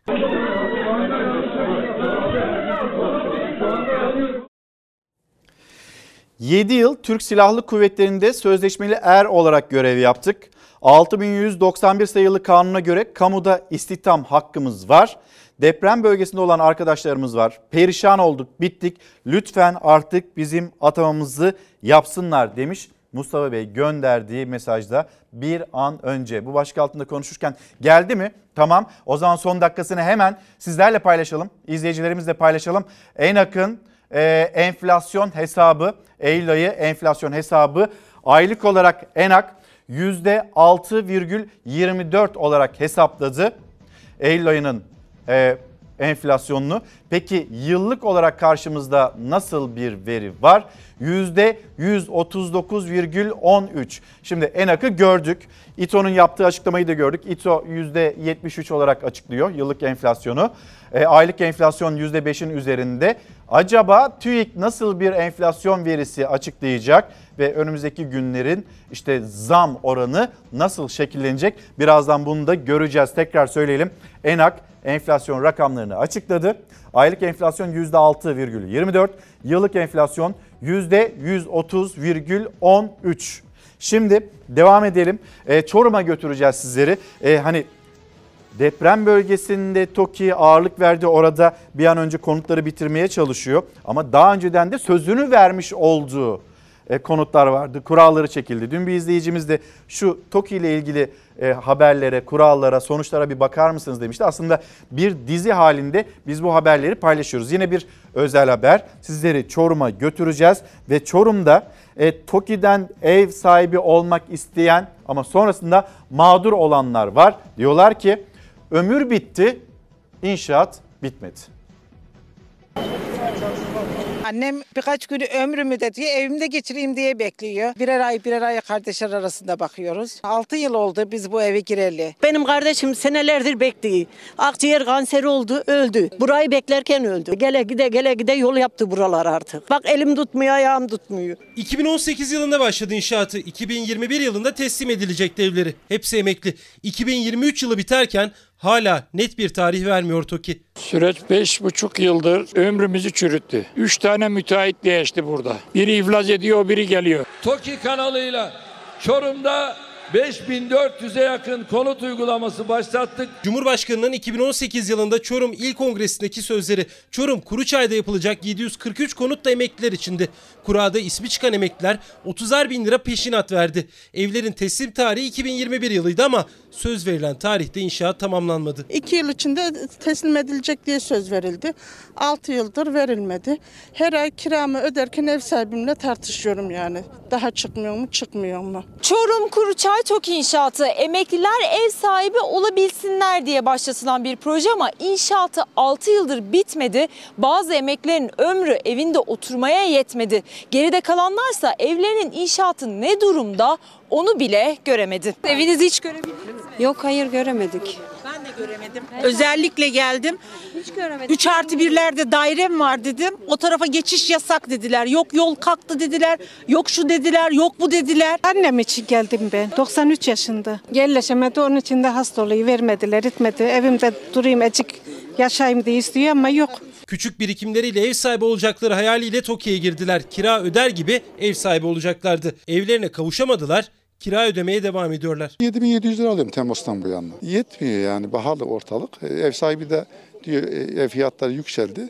Ya diyor zam çok yapacaksın. Söyleyin diyor TOKİ'ye diyor. Evinizi yapsınlar madem diyor oradan diyor hak sahibiyseniz diyor. İnşaat alanında iş makineleri çalışıyor ama TOKİ ile ilgili olarak değil. Çorum Belediyesi bitmeyen binaların peyzaj çalışmasını yapıyor. Benim babam 80-81 yaşında sürekli köyde yaşıyor. Hastaneye getiriyorum, geri götürüyorum. Ee, ne zaman teslim edecekler? Affedersiniz ölünce mi teslim edecekler? Burada okul yok. Ama projede hem okul hem cami hem de burada market ve kreşler olacaktı. 3 yılda teslim sözü verilen 6 yıldır bitmeyen TOKİ evleri hayat pahalılığı altında ezilirken bir de TOKİ mağduru emekli. Instagram'dan gelen mesajlara baktığımızda Necip Bey günaydın. Bir an önce mülakat bitmeli. Aksi halde ülkemizin medeniyet seviyesine gelmesi bir yana daha da karanlığa gideceğini görüyorum. Öyle düşünüyorum diyor. Aksaray Hikmet Ermiş günaydınlarımızı iletelim. Neredesiniz? Nereden günaydın diyorsunuz? Instagram'dan yazabilirsiniz. Ama aynı zamanda bizlere gündeminizde olup biten e, konuları da ya da dikkatle takip ettiğiniz konuları da lütfen yazın. Bir an önce başlığı altında konuşurken e, bakalım bir başka izleyicimiz bir sınıf öğretmeni Milli Eğitim Bakanlığı'na, bürokratlarına hatta e, Muğla İl e, Milli Eğitim Müdürü'ne de sesini duyurmaya çalışalım. Diyor ki ben Hayriye Gül Hekimoğlu eş durumundan 8 yıldır Fethiye'de havuzda bir sınıf öğretmeniyim. Hani havuzda olunca işte nerede bir boşluk var oraya görevlendiriliyor kendisi. Ve gezmediğim okul kalmadı. Çok yoruldum. İki çocuğum var. 40 günlük bir bebeği varmış ve 40 günlük bebeğiyle şimdi e, sınıfa gitmek zorunda kalıyormuş. İşte anneannesi bakıyor bebeğe, babaannesi bakıyor bebeğe ama bir yerde de onlar da çözümsüz kaldığında ben bebeğimle 40 günlük bebeğimle okula gitmek durumunda kalıyorum diyor. Tekrar ismini söyleyeyim. Yetkililer duysunlar bu çağrıyı. Hayriye Gül Hekimoğlu e, bana yakın, evime yakın olan bir okul ve çocuğumu da yine böyle gözümün önünde tutabileceğim bir okul olabilirse sevinirim demiş. Bizim aracılığıyla da sesini duyurmak istiyor. Adana'ya gidelim. Adana'dan çok sayıda izleyicimiz günaydın derken Adana'da yaşanan bir durum var. Bir otelin camlarını silmeye çalışan iki işçi bulundukları vinç ve o vinçte nasıl ölümle burun buruna geldiler onun haberi.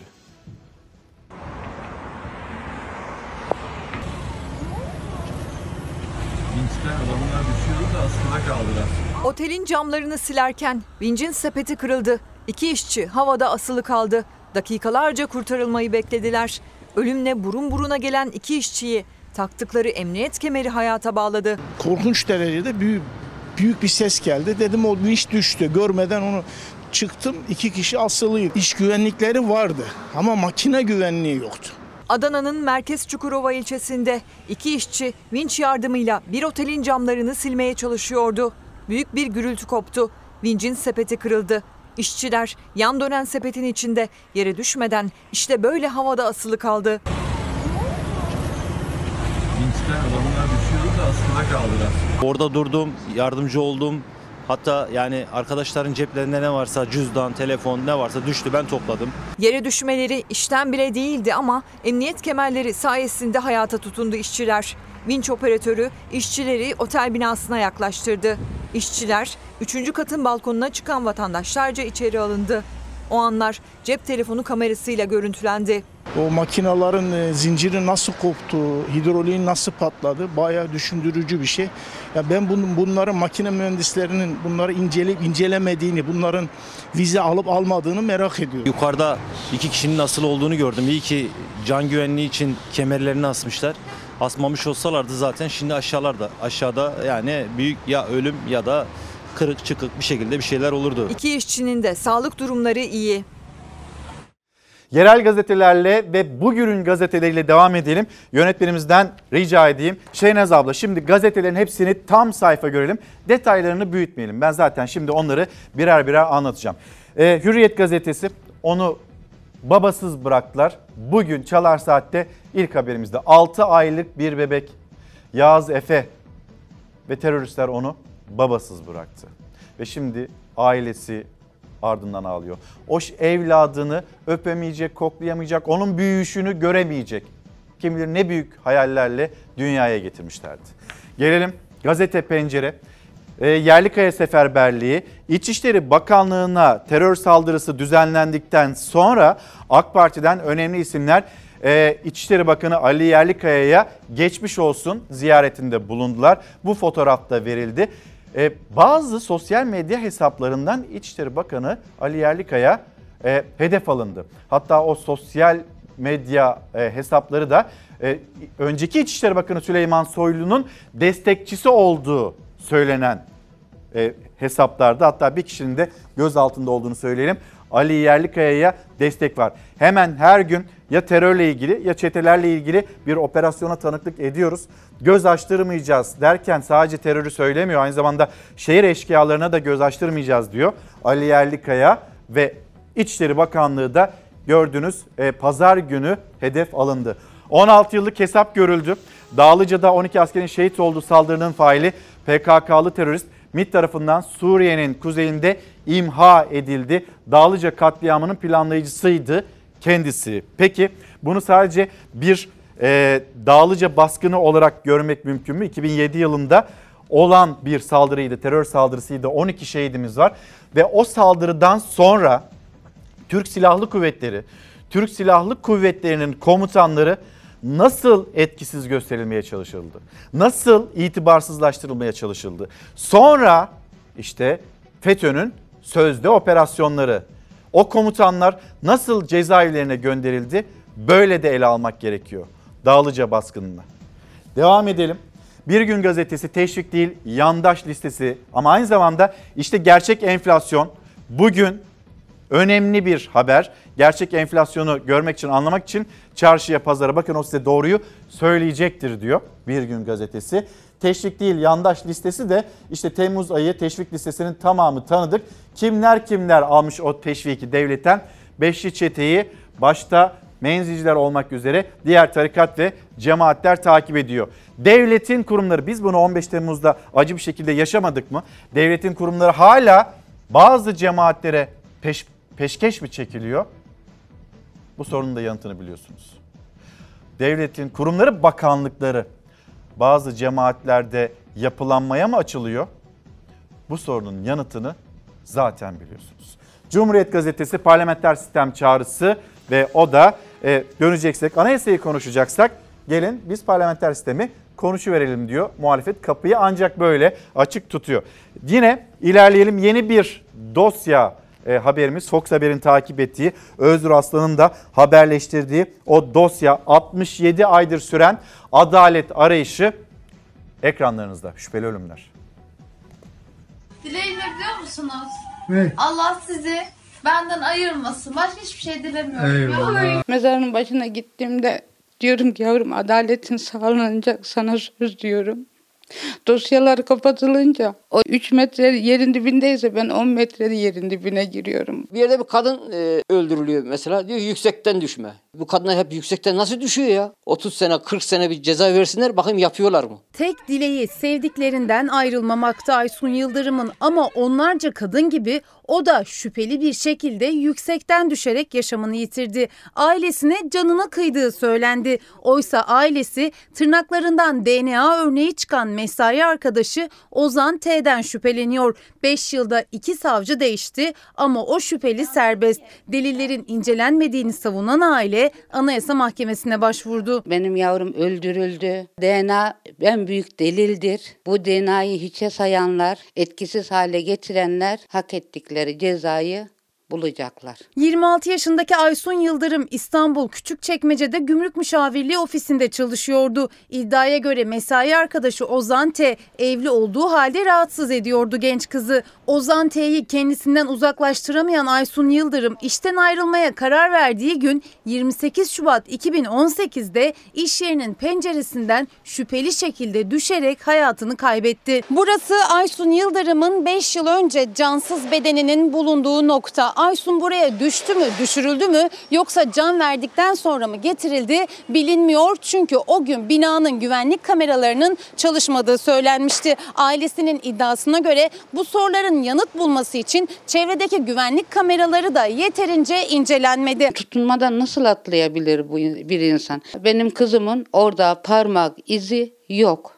Yok ve de en büyük delillerden birisi de bu. Aysun'un düştüğü iddia edilen 3. kattaki pencerede parmak izine rastlanmadı ama ailesinin şüpheli olarak ismini verdiği kişinin DNA'sı genç kadının tırnaklarından çıktı. Ozan T adlı şahsa ait DNA örneği ile uyumludur. Kızımın telefonunu bize verdiler. Ben polise dedim ki sayın memur bey dedim bu telefon savcılığa gitmesi lazım.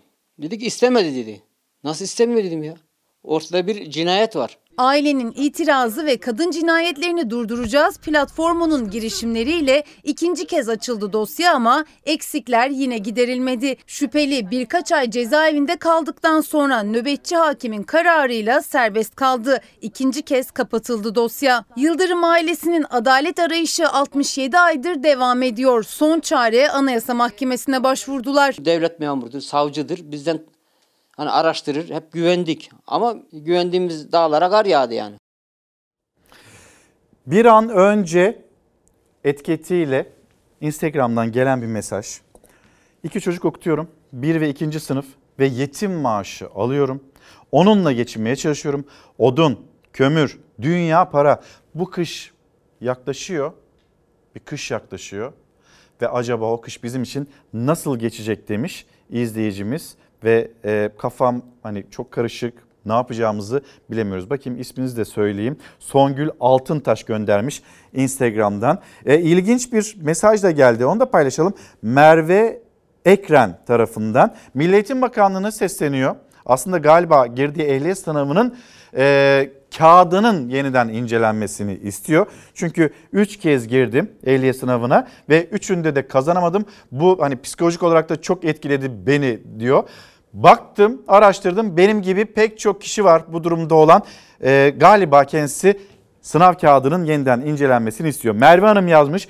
Açık öğretim lise sınav ücretleri 50 liradan 160 liraya yükseldi. Bunu da dile getirir misiniz? Her gün her şey zam gelirken burada hani enflasyonu hesaplayacaksak isterseniz buradan bir hesaplayalım yani. 50 liradan 160 liraya yükseliş olduğunda enflasyon e, TÜİK'in söylediği gibi %60'larda %70'lerde mi ya da İTO'nun söylediği gibi yoksa %100'ün üzerinde mi en akın tarif ettiği gibi %130 seviyesinde mi? Ee, İzmir'e gideceğiz. İzmir'den bir cinayet haberi maalesef onu paylaşacağız ve hedef yine kadın. Sokakta karşılaştı kurşun yağdırdı. 41 yaşındaki polis eski sevgilisi Elvin Özütaş'tanı ve kadının erkek arkadaşını beylik tabancasıyla vurdu. Elvin Özütaş'tan kurtarılamadı. Gece saat 20.30 sularıydı. İzmir'de Konak İlçe Emniyet Müdürlüğü'nde görevli polis AEÖ, Manisa Celal Bayar Üniversitesi Soma Meslek Yüksekokulu'nda öğretim görevlisi Elvin Özütaş'tan ve erkek arkadaşı Fehmi Kaan Berberoğlu'yla sokakta karşılaştı. Polis beylik tabancasını çıkarıp ard arda ateşledi. Polisin eski sevgilisi olan kadınla arkadaşı vücutlarına isabet eden çok sayıda kurşunla yere yığıldı. Hastaneye kaldırılan Elvin Özütaş'tan kurtarılamadı. Eski milli yüzücü olan ve 7 kurşunla ağır yaralanan Fehmi Kaan Berberoğlu'nunsa sağlık durumu ciddiyetini koruyor. Saldırının ardından olay yerinde çok sayıda boş kovan ele geçirildi. Polis şüpheli AEÖ'nün yakalanması için çalışma başlattı. Mardin'in Kızıltepe ilçesinde ise uzaklaştırma kararı bulunan koca Ömer Durak, eşi Sema Durak'ı sokak ortasında iki çocuğunun gözü önünde tabancayla ateş ederek öldürdü. Aynı silahla kendisini vurarak intihara kalkıştı. Karar Gazetesi bugünün gazetelerini tamamlayalım. Seçtiğimiz haberleri gösterelim. Hoş geldin bebek. İşte borcun. Dünyaya gelir gelmez bebeklerimiz acaba ne kadar borçlular? Bir tahmin yapabilir misiniz?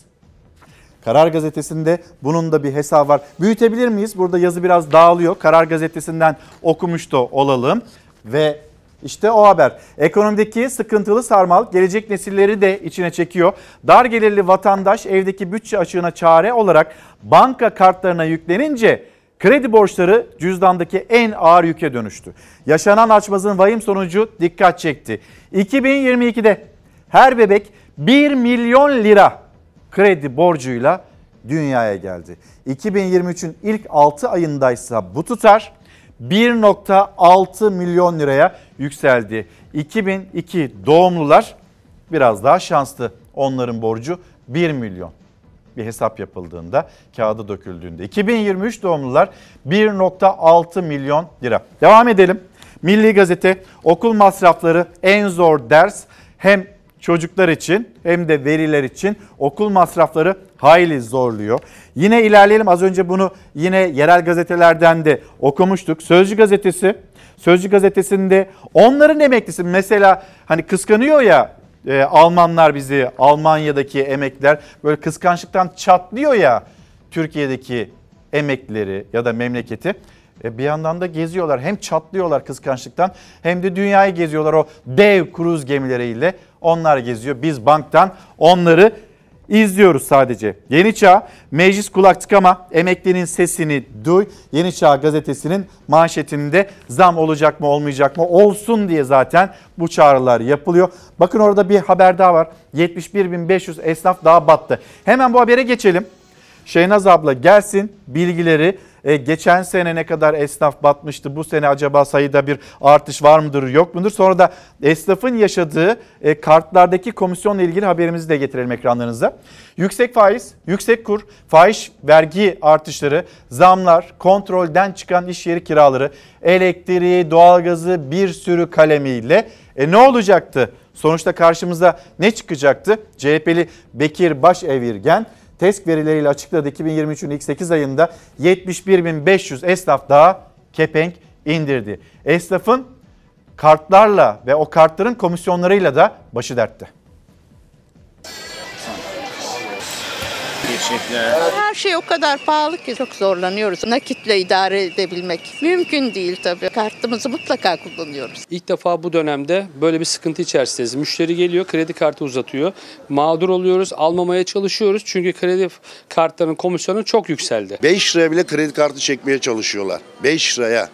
İnsanlar kredi kartını artık yani kendilerine bir sayanak, tutanak olarak tutmuşlar bunu. Tüketici artık en küçük alışverişini bile kredi kartıyla yapıyor. Ancak bankaların esnaftan aldığı kart komisyonu %1'in altındaydı. 1 Ekim'den itibaren %3,5'a kadar çıktı. Tüketiciye yansıtabilen yansıtıyor. Yansıtamayan esnafın cebinden çıkıyor. Çok şık oldu yani. Çok da güzel oldu. Bu ayakkabının fiyatı 1500 lira. Ortalama %3,5 komisyon kesildiğinde 52,5 lira direkt bankaya gidiyor. Esnaf zaten az olan müşterisini kaçırmamak için komisyon farkı da almıyor. O 52,5 lira esnafın direkt kasasından çıkıyor. %4'e çıkaran bankalar var maalesef. Fiyatlarımıza maalesef yansıtamıyoruz. Müşteriye yük oluyor. Satışlarımızı düşürüyor. Nakit yapabiliyor muyuz acaba? Kredi kartı olmasa yapabiliyor muyuz? Kesinlikle. Ay bitecek, ayın sonunda e, kredi kartları kullanacağız, ay sonunda da onu ödeyeceğiz. Başka bir şey mi var? Nakit nereye harcıyorsunuz? Nakit ev kirasını harcayabiliyoruz. Başka hiçbir yere de harcamıyoruz. Zaten aldığımız maaş belli. Tam da tüketicinin kredi kartına en çok yöneldiği dönemde faiz artışıyla birlikte bankaların kart komisyonları da yükseldi. Yüksek kiralar, stopaj, faturalar derken esnafın bir maliyet kalemi daha artmış oldu. Üstelik bakım ücreti adı altında her ay sabit ücret de kesiyor bankalar. Şuradan Çapa'ya kadar gittiğiniz zaman bir bakın kaç tane dükkan kapanmış. Dükkanların çoğu kapalı. Bir ekonomik kriz var ülkede. Daha da fazla katlanıyor. İnsanların alım gücü yok. Olan alt tabakaya oldu. Bir bir kapanan dükkanlara yenileri eklenmesini istiyor esnaf. Tüketici ise kart komisyonunun ek yükünü kaldırabilecek durumda değil. Fiyatlar çok arttı. Bir aldığımızı ikinci defa almaya gittiğimizde aynı fiyata alamıyoruz. Tüketiciler için de aynı şey geçerlidir. Zorlanıyoruz yani. Kadir Kaya, Olimpos'a günaydınlarımızı iletelim. Sonra Eren Ev Sahibioğlu yine selamlarımızı ileteceğimiz izleyicilerimizden olsun. Yerel gazetelerle devam edelim. Sonra ya bu nasıl bir akıl tutulmasıdır dediğimiz o habere geçiş yapacağız. Yani fıstıkların içine girmiş böyle fıstık püskürtüyor ağzından. Bir gözaltı kararı var ve sonrasında neler oldu onun bilgisini paylaşacağız. 9 Eylül İzmir 9 Eylül gazetesi okullar paralı, eğitimci parasız, özel okullarda çalışan öğretmenler geçinemez halde meclise yürüyeceklerdi 1 Ekim'de terör saldırısı oldu. Onlar da açıklamayı bir salonda yaptılar ama dertleri unutuluyor mu? E, unutulmuyor. Bizler de ekranları taşıyoruz.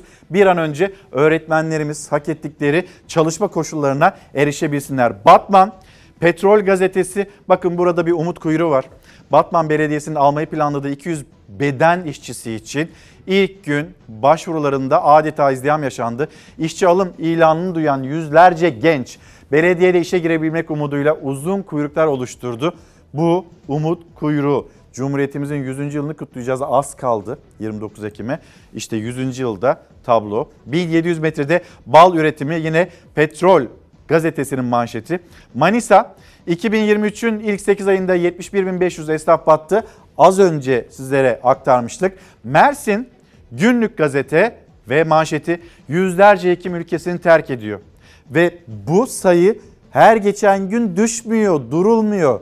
Ve hekimler bir şekilde ya karşılaştıkları şiddet olayı nedeniyle ya çalışma koşulları nedeniyle ya işte ücretlerine olan itirazları sebebiyle memleketlerini terk ediyorlar. Yurt dışına gidiyorlar. Kurslara yazılıyorlar. Almanca öğreniyorlar. Ya Hollanda'ya gidiyorlar ya Almanya'ya gidiyorlar. Bir şekilde yeni bir hayatı yurt dışında arıyorlar. Gaziantep gazetesine geçeceğiz. Yalnız hani o akıl tutulması olmaz böyle şey dediğimiz haber var ya onu da bir ekranlarınıza getirelim.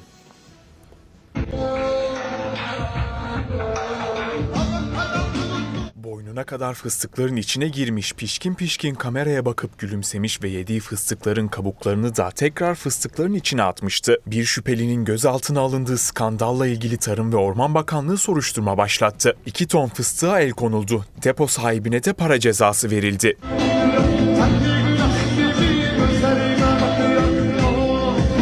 Siirt'te hasadı yapılan fıstıkların depolandığı alanda kaydedilmişti bu görüntü. Görüntüdeki kişi yakalandı. O anları kayda alan kişinin de yakalanmasına çalışılıyor. Tarım ve Orman Bakanlığı ise skandal olayla ilgili soruşturma başlattığını açıkladı. 2 ton fıstığa el konuldu. Depo sahibine de para cezası uygulandı.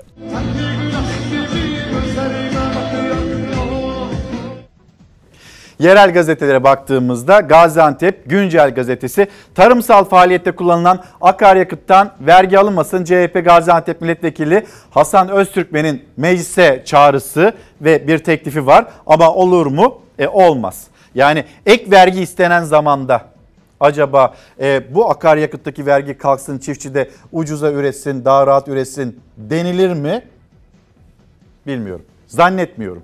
E, Yozgat İleri Gazetesi azmetti, üniversiteli oldu. Bir başarı öyküsü bunu konuşalım. Yozgat'ta yaşayan 3 çocuk ve 4 torun sahibi 59 yaşındaki Ayşe Kayhan. Tebrik ediyoruz kendisini. Bu yıl katıldığı e, YKS'yi kazanarak hem üniversite hayalini gerçekleştirmenin hem de gençlere örnek olmanın mutluluğunu yaşıyor.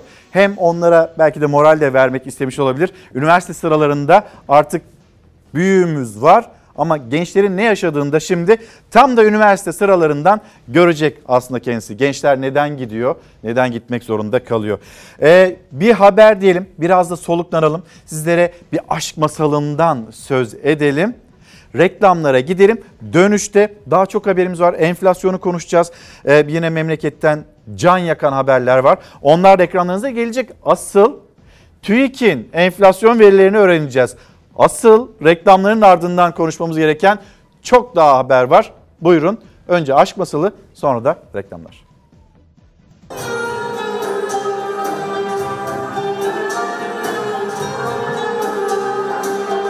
Burada aşk masalı anlatmaya çalıştık ve zannediyorum bunda çok isabet ettik. Çok çok mutluyuz. İstanbul bizim için bir milattı. Bu projeye başlamaya karar verdiğimiz ilk konseri de İstanbul'da yapmıştık. Ee, yine sanatseverlerle İstanbul'da buluştuk. Harikaydı her şey. Yokluğun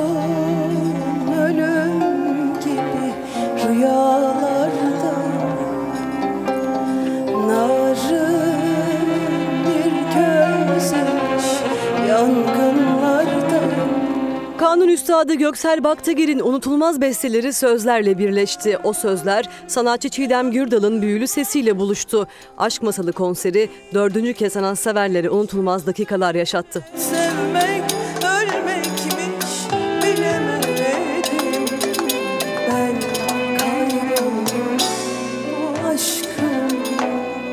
Aşk Masalı projesi ilk konserin ardından Kültür ve Turizm Bakanlığı Kültür Yolu kapsamına alındı. Bu yıl önce Başkent Kültür Yolu kapsamında buluştu dinleyiciyle. Dördüncü konser Atatürk Kültür Merkezi'nde sanatseverleri unutulmaz bir gece yaşattı. Sensin bana sevmeyi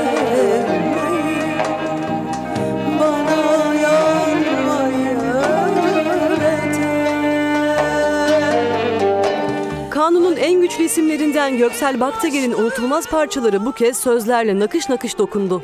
O sözler sanatçı Çiğdem Gürdal'ın yüreklere dokunan sesiyle bu kez AKM'de yankılandı. Sevdim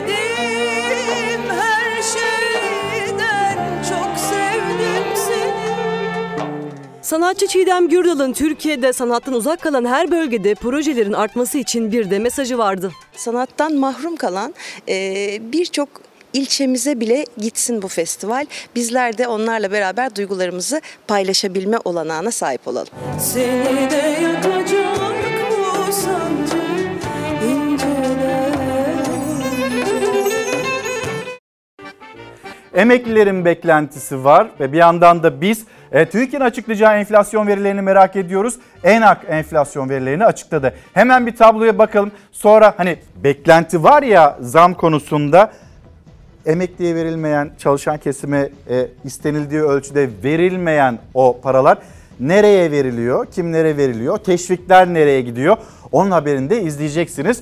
E, TÜİK'in aylık enflasyonunu beklerken saatler tam onu gösterdiğinde bakacağız hep birlikte. ENAK aylık enflasyonu %6,24, yıllık enflasyonu %30,13, %130,13 olarak hesapladı. Bu arada geçen ay e, verisini açıkladığında TÜİK'in aylık enflasyonda en akın bile üzerinde bir veri açıkladığını hatırlatalım. Mehmet Şimşek geldi ne değişti? En azından TÜİK'in verileri değişti. Bunu söyleyebiliyoruz. Bir de şu oldu daha fazla zam girdi hayatımıza.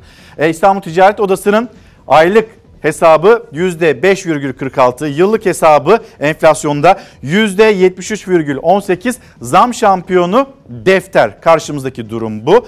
Peki e, sizlere verilmeyen, emekliye verilmeyen, çalışanların hak ettiği ölçüde alamadığı paralar, sonra toplanan vergiler, onlar nerede birikiyor da kimlere gidiyor? İzleyelim. Çok pahalı kullanmıyoruz o yüzden.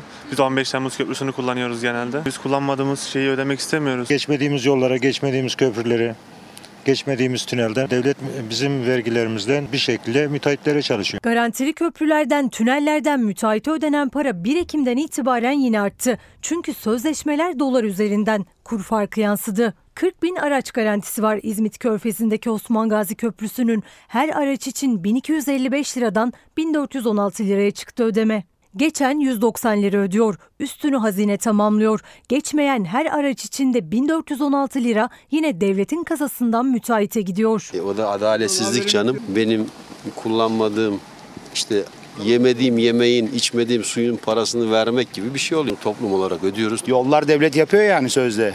Yol yapıyoruz, onu yapıyoruz, bunu yapıyoruz diyen zaten kendileri yani. Çanakkale Köprüsü'nde sözleşme ücreti 572 lira. E, Vatandaş geçsin diye indiriyorlar ücretleri. Araç başı her gün 45 bin araç için ödeme yapılıyor. Kur farkı da oluyor. Yeterli insanlar tabii bu fiyatları ödemek istemedikleri için kullanmıyorlar ve bu da devletin üstüne bir yük olarak devam ediyor. Eylül ayı ortalamasına göre Avrasya Tüneli'ni kullanan araç sayısı günlük 74 bini aştı. Avrasya Tüneli'nde de geçiş garantisi 70 bin araç. Ulaştırma Bakanı geçtiğimiz ay garantinin tuttuğunu açıkladı ama bu hazinenin kasasından para çıkmadığı anlamına gelmiyor. Avrasya Tüneli'nden geçen sürücüler 53 lira ödüyor ama bir de geçmeyen için 170 lira garantiye gidiyor. Yani geçmeyen için geçenin 3 katı kadar hazineden ödeniyor. Günlük geçiş tutturulamadığı günlerde Avrasya Tüneli'nden geçmeyen araç sayısının ödemesi tamamlanıyor. Geçen için de hazineden 117'şer lira ödenmeye devam ediyor. Otoyol projeleri için toplamda bütçeden 2018 ile 2022 arasında e, 6,5 milyar dolarlık bir ödeme yapılmış. 2023 bütçesinde 3 yıllık ödenek öngördüler. 2023, 24, 25. Orada da 8.23 milyar dolar. Her bütçe döneminde daha da artıyor yap işlet devlet projelerinin yükü. Milyarlarca dolar müteahhite akıyor. Bütün köprüleri ya da şeyleri kendisi yapmalıydı. İşletmeye verdiğiniz zaman evet böyle problemler çıkabiliyor. Bu ekonomik şartlarda da tabii bunların dolar bazlı olması bildiğim kadarıyla bizim belimizi bayağı bükecek. Efendim yine yollarda kalalım. Yolda olmak bütçe anlamında zor, can güvenliği anlamında da hal zor. Şimdi sizleri Antalya'ya götüreceğiz. Bir taksicinin yaşadığı zor anlar, dehşet anları. Bak senin kavga etmeye niyetin var galiba biraderim yapma. Ya. Sonra üzüleceğiz tamam. Sen niçin şimdi bana böyle yapıyorsun ki? Oğlum sevmedin. Niye öldüreceksin? İki çocuk babası adamım ben. Yapma be. Dursene. Biliyorum. Araba da seni. Seni öldüreyim. Allah aşkına seni öldüreyim. Ya. Araba vuruyor bu. Yapma. Dur. Silah çekti, defalarca vurdu, namluyu başına dayadı. Taksinin içinde yaşanan dehşet anları taksinin kamerasına yansıdı. Alnına yakın geçen mermiyle taksici ölümden döndü.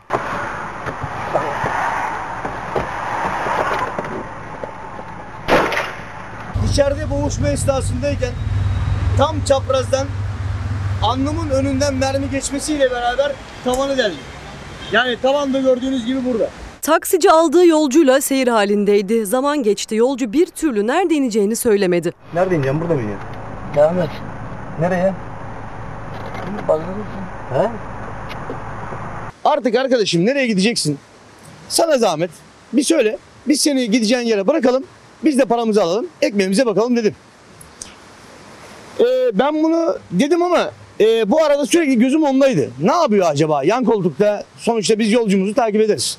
Yani telefona bakıyor, mesaj yazıyor telefonla. Sevgilisi büyük ihtimalle.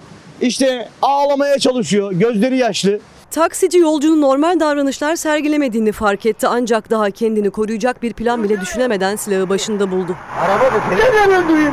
Allah aşkına seni mi öldüreyim? Ya ne vuruyor bu? Yapma. Sen! Bir süre alıkonuldu taksici. Silahlı saldırgan tarafından defalarca yumruklara maruz kaldı. Bir el ateş sesi duyuldu. Şans eseri döndü ölümden taksici. Kurşun onu teğet geçti, taksinin tavanına saplandı. Nereye gideceğiz kardeşim dediğimde ee, sür diyorum sana. Kendini mi öldürtmek istiyorsun? Ya arkadaşım ben iki tane çocuk babası adamım.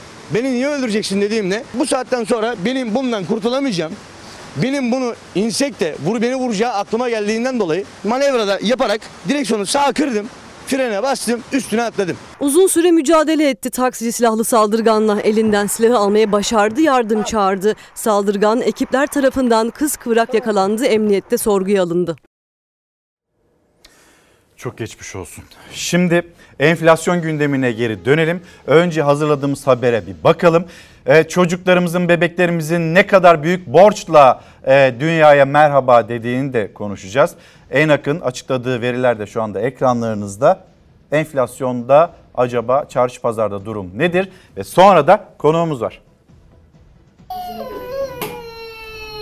Bir bebeğin dünyaya ilk merhabasından önce başlıyor borç sarmalı. O bebek doğduktan sonra da katlanarak büyüyor. Ödenemeyen ekstreler krediler her bebek 1 milyon liralık borçla dünyaya geliyor. Sadece dar ve sabit gelirli vatandaşlar için de geçerli değil artık bu sıkıntılı tablo. Beyaz yakalı da mavi yakalı da memuru emeklisi de başa çıkmakta zorlanıyor. Evdeki hesap pazara, markete, kasaba uymuyor. Kredi kartları, tüketici kredileri geçici çözüm sunsa da bir süre sonra ödenemez hale geliyor borçlar. Borcu borçla kapatmak ise tabloyu daha da karartıyor. Bebeklerse dünyaya gözlerini borçla açıyor. Ve hiçbir şey alamıyoruz. Et yok, bunun içinde tavuk yok, pirinç yok, hiçbir şey yok. CHP Yalova Milletvekili Tahsin Becan BDDK verilerine dayanarak Türkiye'de bebeklerin borç haritası başlıklı bir rapor hazırladı. O rapora göre 2022 yılında her bebek 1 milyon lira kredi borcuyla doğdu. Haziran 2023'te ise bu borç 1.6 milyon liraya yükseldi. Geçtiğimiz Haziran ayında kredi kartı, tüketici kredisi ve kredili mevduat hesabı borçları toplam 1 trilyon 658 milyara ulaştı. 2022'de 1 milyon lira borçla doğan her bebek daha bir yaşını tamamlamadan 1,6 milyon liralık ödeme yükümlülüğünün altına girmek zorunda kaldı. Kaç kredi kartınız var? İki. Ne kadar borcunuz var? Ee, Şu anda 80 bin falan. Yani günlük yaşantımda kart kullanıyorum. 2023'ün ilk 6 ayında kredi kartı, kredili mevduat hesabı ve tüketici kredisi borçları dakikada 2 milyon liranın üzerinde artış gösterdi. Kredi artı olmasa yaşam son. Evinin ihtiyacıydı bilmem neydi. Bir peynir olmuş 200 lira. İstanbul Ticaret Odası verilerine göre geçen ayın zam şampiyonu defter oldu. Okulların açıldığı Eylül ayında fiyatı en çok %98,94 ile defter arttı. Defter fiyatları ikiye katlandı. Çocuk kıyafetleri, çocuk ayakkabıları ve okul çantalarının fiyatlarında da %48 ile %98 arasında değişen oranlarda artış yaşandı. Formalarda işte yani orada seçenekler var. Yani hani bir forma eşortman alırsan 2000 lirayı buluyor. Antalya Ticaret Borsası ise Eylül ayı hal endeksini açıkladı. Endekse göre meyve fiyatında yıllık değişim %99,33 düzeyinde artarak 8 yılın rekorunu kırdı. Eylül ayında Antalya haline gelen domatesin fiyatı %85 oranla rekor artış gösterirken sebze ve meyve miktarı ise rekor düzeyde azaldı. Fox Haber ekonomi ve siyaset yorumcusu Ozan Gündoğdu şimdi Çalar Saat'te. Ozan günaydın. Günaydın, hoş merhaba, geldin. hoş bulduk. Birazdan böyle bekliyoruz. 7 dakikası Evet. kaldı. TÜİK acaba ne açıklayacak? Her ayın üçünde olduğu gibi. Vallahi ENAK'la İTO'ya paralel ilerliyor son aylarda. Buradan hareketle %5 bandında bir şey açıklanacağı bekleniyor. Bundan bir sene evvel ENAK ve İTO'nun verileri TÜİK'in çok üzerindeydi. Fakat ne olduysa seçimden sonra bu iş üçü dengelenmeye başladı. Hatta geçen ay, ondan önceki ay pardon, ENAK'ın da üzerinde bir oran açıklandı. %9 küsür açıklandı. Bu, bu ay %5 gibi bir şey açıklanması bekleniyor. Fakat TÜİK son aylarda sürpriz de yapıyor. Yani beklentilerin üzerinde veya altında enflasyon açıklandığı oluyor. Bu ayın özelliği yani Eylül ayının özelliği demin de haberimizde gördüğümüz üzere aslında kırtasiye malzemelerinin ciddi bir patlama yapması. O noktada biraz avantaj olan şey hani Eylül ayı enflasyonu avantaj olarak yansıyacak şey bizim tüfe sepetindeki en ağır ürünler benzinli ve dizel otomobiller. Otomobil piyasasının rahatlaması oradaki baskıyı azalttı. Bir de yine ağır ürünlerden bir tanesi akaryakıt. Son bir ay boyunca Ağustos ayında gördüğümüze benzer bir zam dalgasıyla karşılaşmadık. Yine zam geldi akaryakıta ama LPG'ye zam geldi. Tabii ama Ağustos ayında gördüğümüz gibi değildi. Neden? Çünkü e, kısmen istikrarlı bir kurla e, karşılaştık Eylül ayı boyunca. Yani 27'nin hemen altından 27.5'a doğru ilerleyen bir işte kur hareketi Temmuz ve Ağustos aylarına nazaran çok daha yavaş ilerledi. Dolayısıyla buradan hareketle Temmuz Ağustos'taki gibi %9 küsürlük bir enflasyon değil de %5 gibi bir enflasyon e, beklenir. Fakat şunu da söylemek lazım %5'lik enflasyon yani %5 olan aylık enflasyon e, hedefe hiç uygun bir enflasyon değil. Bak mesela 2024 yılında %33 bekliyor hükümet enflasyon. Hedefi o. OVP'deki hedefi o. Evet. Yani aylık bazda ortalama %2,5 olması lazım diyor enflasyonu. Şimdi ne diyoruz? %5 olacak. Demek ki onu öyle bir hale getirecek ki 2024 yılında hedef o. Yani devletin arkasında durduğu hedef o. Bu şu anda yaşadığımız enflasyonu yarı yarıya düşürecek ve bunu yıla yaygın şekilde yapacak. Zor görünüyor bakalım. Planlar saptı. Planlar saptı. Yani Şimdi- bu bu kadar avantajlı bir ayda, Eylül ayı gibi çok avantajlı bir ayda bile %5 e, gelecekse eğer ocağı düşünmek lazım Şubat. Çünkü o, o dönemlerde hem kur atak yapacak hem de gıda fiyatları e, mevsimsel etkilerle... seni kaygılandırıyor mu? Herkese olduğu gibi beni de kaygılandırıyor. Yani e, ekonomistlerle ben gün içinde e, sıkça görüşmeye çalışıyorum. Yani beklentileri nedir? Hepsinin ortaklaştığı e, beklentileri mümkün olduğunca ekranda dile getirmeye çalışıyorum. Yani tartışmalı olmayanı söylemeye çalışıyorum. Hepsinin söylediği bu işin Haziran ayında yani gelecek yılın Haziran ayında zirve yapacağı yönünde. Şimdi bu zirve yapma işini ekonomistler biraz böyle olumlu duyguyla söylüyorlar aslında. Yani zirveyi gördüğümüz zaman gerisi daha rahat ama Haziran ayında yani yıl sonunda %70'in üzerine çıkan bir enflasyon temel beklenti %70 bandında bir enflasyon. Haziran ayında kurdaki hareketlere de bağlı olarak çok daha farklı bir enflasyon tablosuyla karşılaşabiliriz. Hal böyle olunca şöyle oluyor. Şimdi gelecek sene %33'lük bir hedefim var. Evet. Zirveyi de Haziran'da göreceksin. O yüzden giderek beklenti, hedefler e, uzaklaşmaya başlıyor bizden. Yani şimdi Haziran ayında %80'de iken %70, %80 bir enflasyon göreceksek yılın sonunda nasıl %33'e düşecek o? Bunlar e, Cumhurbaşkanı'ndan bir açıklama var Ozan ve e, diyor ki hedef daha iyi bir gelir dağılımı. Emeklileri de konuşacağız. Gözünde bir yandan böyle saatte 9'u 57 geçiyor. Cumhurbaşkanı ne söyledi? Gelsin ekrana da yönetmenimizden Savaş'tan bir rica edelim. Ve diyor ki e, Türkiye Sermaye Piyasaları Kongresi'ne gönderdiği mesajda Cumhurbaşkanı enflasyonu yeniden tek haneye indirmeyi ve gelir dağılımını iyileştirmeyi hedefliyoruz. Şimdi orada gelir dağılımını iyileştiren şey hükümetin kendisi mi yoksa piyasa işleyişi mi ona emin değilim. Gelir dağılımını iyileştirmek için ne yapmak gerekir? Bir, bir kere vergi sisteminde çok kö- köklü bir reform yapmak gerekir. Şimdi vergiyi benden alıyorsun yani sabit ücretliden alıyorsun. Öte yandan sermayedara yani sabit ücretli olmayana, enflasyondan bu kadar etkilenmeyene teşvik veriyorsun. E şimdi bu zaten kendiliğinden gelir dağılımını bozan bir şey değil mi? Toplam vergilerin %65'ini tüketimden alıyorsun. Şimdi ben de peynir aldığımda aynı tutarda vergi veriyorum. Bir milyoner kişi de peynir aldığında aynı tutarda vergi veriyor. Benden çok daha kötü durumda olan kişi de peynir aldığında aynı vergiyi veriyor. Hepimiz peynir tüketiyoruz ama. Yani bu zorunlu ihtiyaç. Dolayısıyla o da bir e, vergi sisteminde bir arıza var. Bir de an itibariyle enflasyonu düşürme felsefesi yani Mehmet Şimşek ve ekibinin enflasyonu düşürme felsefesi tüketimi kısmak yönünde. E şimdi tüketim eğilimi yüksek olan gruplar hangileri? Tüketim eğilimi yüksek olan derken şundan bahsediyorum. Çok tüketen gruplar demiyorum. Toplam gelirinin çoğunu tüketen gruplar hangileri? Mesela emekli. Siz eğer enflasyonun talepten kaynaklanıyor bu diye açıklarsanız ki Mehmet Şimşek öyle açıklıyor. O zaman buradan hareketle şunu söyleyebiliriz. Fazla peynir talep ediyorsun. Geli, heh, Fazla zeytin talep ediyorsun. gelirini Etme. Az ye. Buradan anladığımız şu. Yani o mesajı alır almaz yani bu enflasyonun nedeni tüketimdir kardeşim dedikten sonra bir ekonomi okur yazarının anlayacağı şu. Ha demek ki demek ki tüketim eğilimi yüksek olan, gelirinin tümünü tüketen, gelirinin tümünü tüketen grupların gelirini biraz baskılamamız lazım. Kim o gruplar? E, emekçiler, sabit ücretliler. Çünkü ben bir sabit ücretli, maaşlı bir vatandaşım. Gelirimin %95'ini tüketiyorum. E şimdi benim tasarrufumu bitireceksin, biraz da kısacaksın ki ben tüketemeyeyim. Emekli de aynı şekilde. Emekli ne yapıyor? 7500 lirayı aldıktan sonra ya 5000 lirasını tasarruf edeyim mi diyor. Hayır tümünü tüketiyor. Tüketimi kısacaksan eğer, tüketimi baskılamak istiyorsan senin zaten saldıracağın grup sabit ücretliler ve emekliler. Hal böyle olunca Erdoğan'ın dediği yani gelir dağılımı düzenleyici önlemler alacağız dediği biraz maliye politikasına bakıyor. Alması lazım ama henüz e ne yapacaksın? Yani bir bir önlem alınması lazım. Emekliye ma- ama enflasyon buna engel. Yani enflasyonu düşürme felsefesi buna engel oluyor şu anda.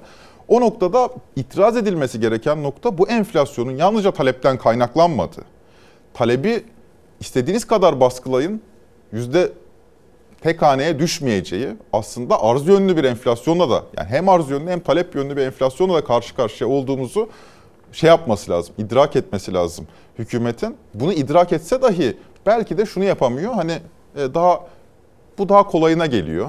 Hani bu bu Şimdi saatimiz 10 oldu. Evet, Şöyle yapalım. Yönetmenimizden de bir rica edelim. Açıklan. Hatta Savaş e, emeklilerimizin haberini verelim. Onlar da e, seslerini bir duyursunlar. Emeklilerimizin haberini izlerken biz de ekrana enflasyon verilerini yansıtalım. Sayın Cumhurbaşkanım, emekli maaşları ile ilgili sizden gelecek haberi bekliyor emekliler. Çalışma Bakanı ve Binali Yıldırım Ekim ayı demişti. Vedat Bey bütün gerekenleri söyledi. Peki yılbaşına gelmeden bir zam müjdesi duyulur mu? İnşallah. Çalışılıyor. İnşallah. Emeklilere zam için Ekim ayı diyen Binali Yıldırım, Ekim ayının başladığı, meclisin açıldığı gün çalışılıyor dedi sadece. Cumhurbaşkanının gerekli açıklamayı yaptığını söyledi. Çalışılıyor. İnşallah. Ekli başkanımız da zaten gerekli açıkladı. Bir şey İnşallah. Cumhurbaşkanı Erdoğan sadece inşallah dedi. Binali Yıldırım'a göre bu 7500 lira ve biraz üzerinde maaşla yaşam mücadelesi veren emekliler için gereken açıklama. Emeklilerimizle dalga geçmeye devam ediyor. İnşallah maşallah. Vermeyecekler, vermeyecekler. Verirlerse yerel seçimlere kandırmak için verirler. Emeklimiz açlık sınırının 13 bin liraları aştığı bu dönemde ne yapacak? Her kabine toplantısında emeklilerimiz ekran başında bir ücret artışı bekliyor. Ama maalesef hükümet sürekli bunu ötelemeye devam ediyor. Cumhurbaşkanlığı hükümeti çok yönlü bir çalışma içerisinde zannediyorum kısa sürede de sonuç verirler diye düşünüyoruz. 7500 lira emekli maaşıyla geçinemeyeceğini bir düzenleme yapılması gerektiğini daha önce söyleyen Cumhur İttifakı ortağı Devlet Bahçeli de hükümet çalışıyor dedi. Meclisin açılış töreninde resepsiyonda tekrar soruldu. Cumhuriyet'in 100. yılında emekliye ikramiye de hatırlatıldı. Sayın Cumhurbaşkanımız konu üzerinde çalışmaları sürdürüyor. İlgili bakanlarla da görüşüyoruz. Gelecek günlerde inşallah hayırlı bir cevap bulunur. Emekli canının çektiği bir bisküviyi bile alamadığını gözleri dolarak anlatırken emekli aylıklarına iyileştirme sorulduğunda sarayın püskevitçi ortağı sorumluluğu Cumhurbaşkanlığı hükümeti çalışıyor diye Erdoğan'a atıyor. Meclisin açıldığı gün milyonlarca emekliye bir müjdeli haber gelmedi. İktidar cephesinden de Cumhur İttifakı ortağı MHP'den de.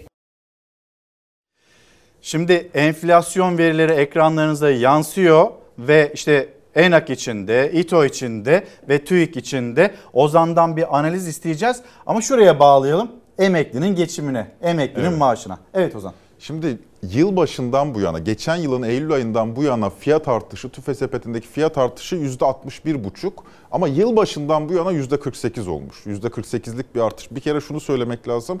Yıl başından bu yana özel sektörde hiç zam almayanlar var. %50'lik bir enflasyonla sabit gelirle mücadele ediyorlar. Bu gerçekten çok asap bozucu bir hadise. O yüzden memlekette yalnızca devletin yönlendirdiği ücretler değil, aynı zamanda bu sendikalaşma oranı falan da etkili oluyor. Yani siz sabit ücretli kişi patronuyla sözleşme imzalayamıyor. Ya hal böyle olunca herkes sabrediyor.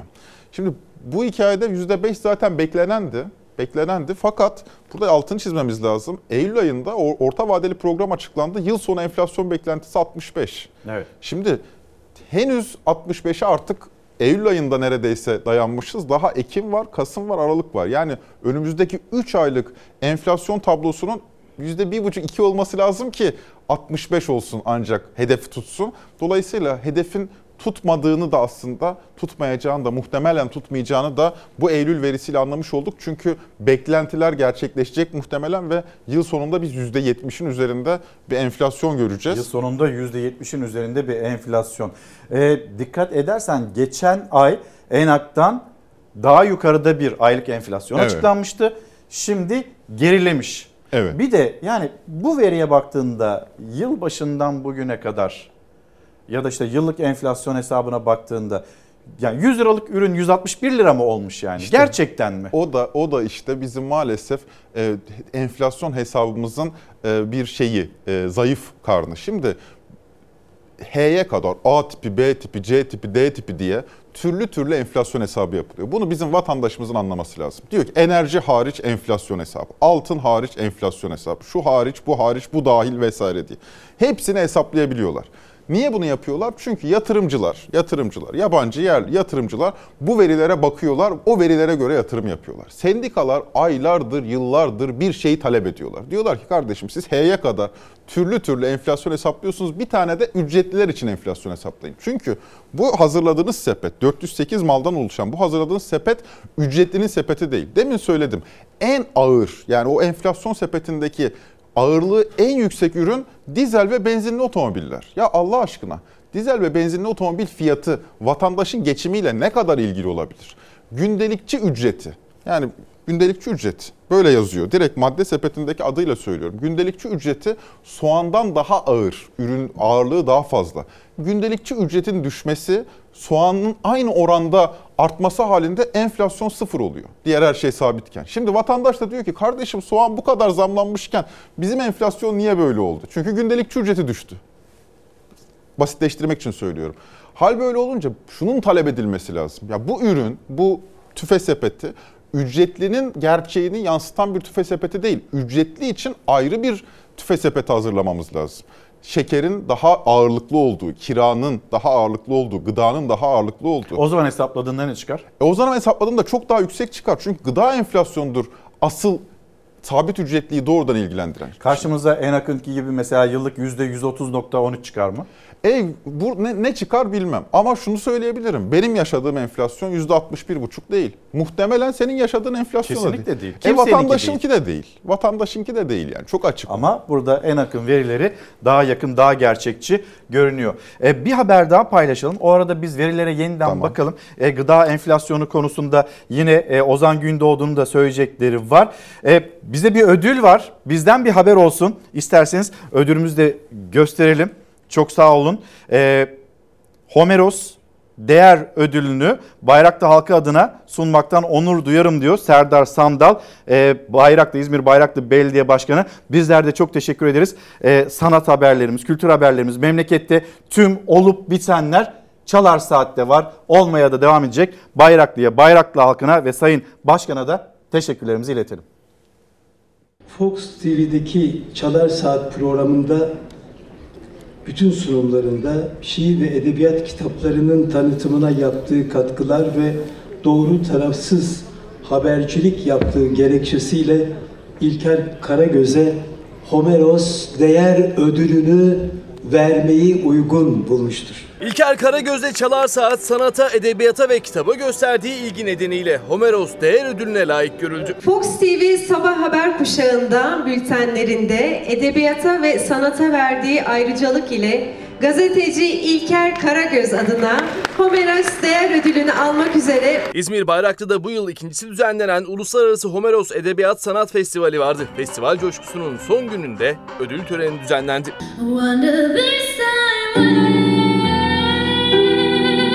Tören öncesi genç sanatçı Adasu Akın sahne aldı. Performansıyla beğeni toplayan genç sanatçıya Zülfü Livaneli ulusal ve uluslararası çapta destek olma sözü verdi.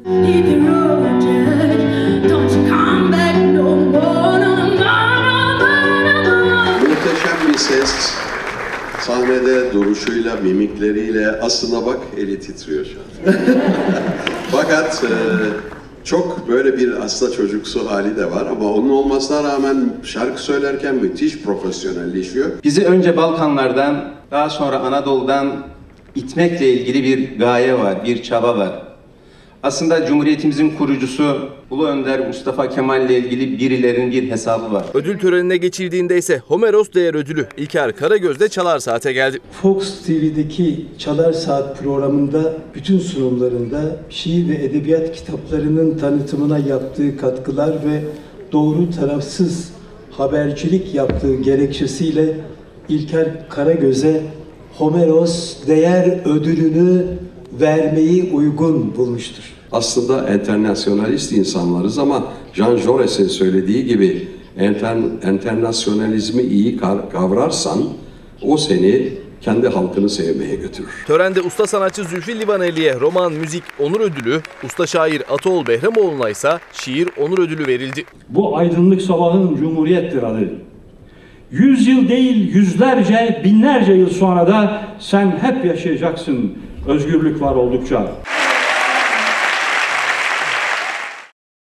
Enflasyon verileri açıklandı. TÜİK tarafından e, %60 ve biraz üzerinde yıllık enflasyon. Sonra aylık enflasyon 5 ve üzeri bekleniyordu ama 5'in de altında gerçekleşti. 4.75 o kadar şey yapmayalım ya. Neredeyse 5. Neredeyse 5 ya. Ee, Ozan Gündoğdu ilginç bir detay yakaladı verilerde. Şimdi onu anlatacak. Ekranlarınıza da gelsin TÜİK'in açıklaması.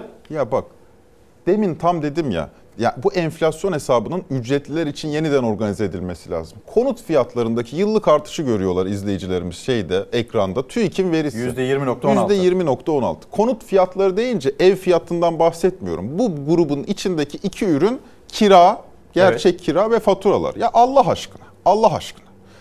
Bir yılda kiradaki ve faturalardaki artışınız %20 mi ya? Soralım izleyiciye. Ya soralım gerçekten Soralım, soralım. lütfen yazın. Bir yılda sizin e, kira artışınız %20 oranında mı oldu? Ya biliyoruz yanıtını Ya da böyle- biz sizden duymak istiyoruz. Ki bir büyük bir kı- kira krizi yaşandı ortada. Peki neden böyle oluyor? Neden böyle oluyor? Yani şöyle mi oluyor? TÜİK ayın 3'ünde kiraya yaz %5 yaz, %6 yaz mı diyor? Hayır öyle olmuyor. Hesabı şöyle yapıyor TÜİK. Bunu da açıklıyor. Ben diyor kirayı anketler yoluyla ölçüyorum. Yani ben diyor Türkiye çapında anketler yapıyorum 4000 küsür haneye ve bu 4000 küsür haneden elde ettiğim verileri derliyorum ve kiranın ne kadar arttığını ölçüyorum. Fakat bu haneler zaten hala hazırda sözleşmesi devam eden, kira sözleşmesi devam eden dolayısıyla yıllık zammı almamış. Yapsa bile zaten %25 kira zammı sınırı da olduğu için baskılanan haneler.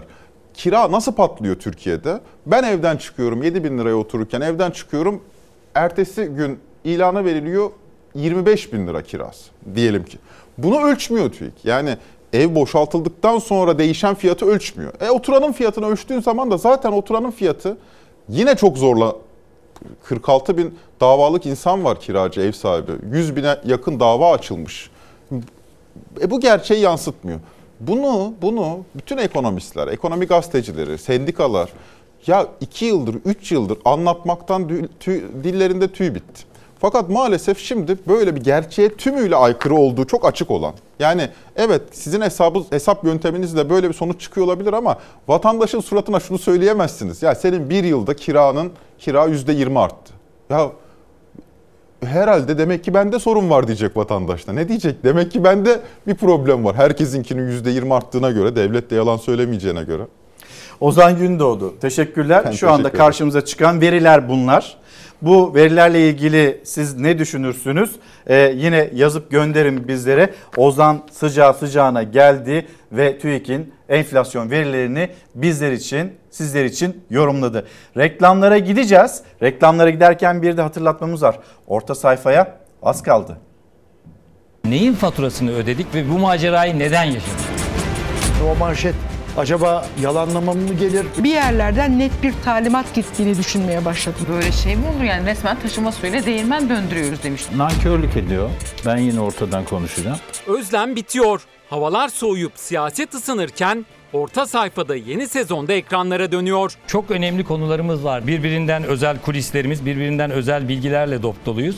Yerel seçim, ittifaklar, adaylar sadece siyaset değil, halkı bekleyen zor bir ekonomik dönem.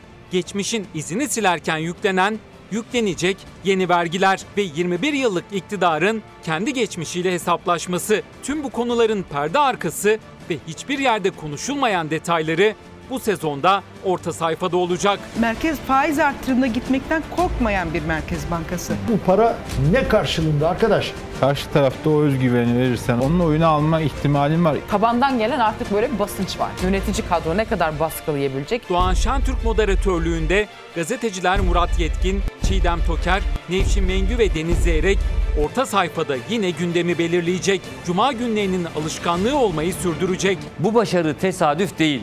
Türkiye'nin en çok izlenen tartışma programı Orta Sayfa'da Türkiye'nin en güvenilir gazetecileri var çünkü. Ülke yeniden seçime giderken en doğru kulis bilgileri, en net analizlerle Orta Sayfa 3. sezona hazır. Orta sayfa 6 Ekim Cuma başlıyor.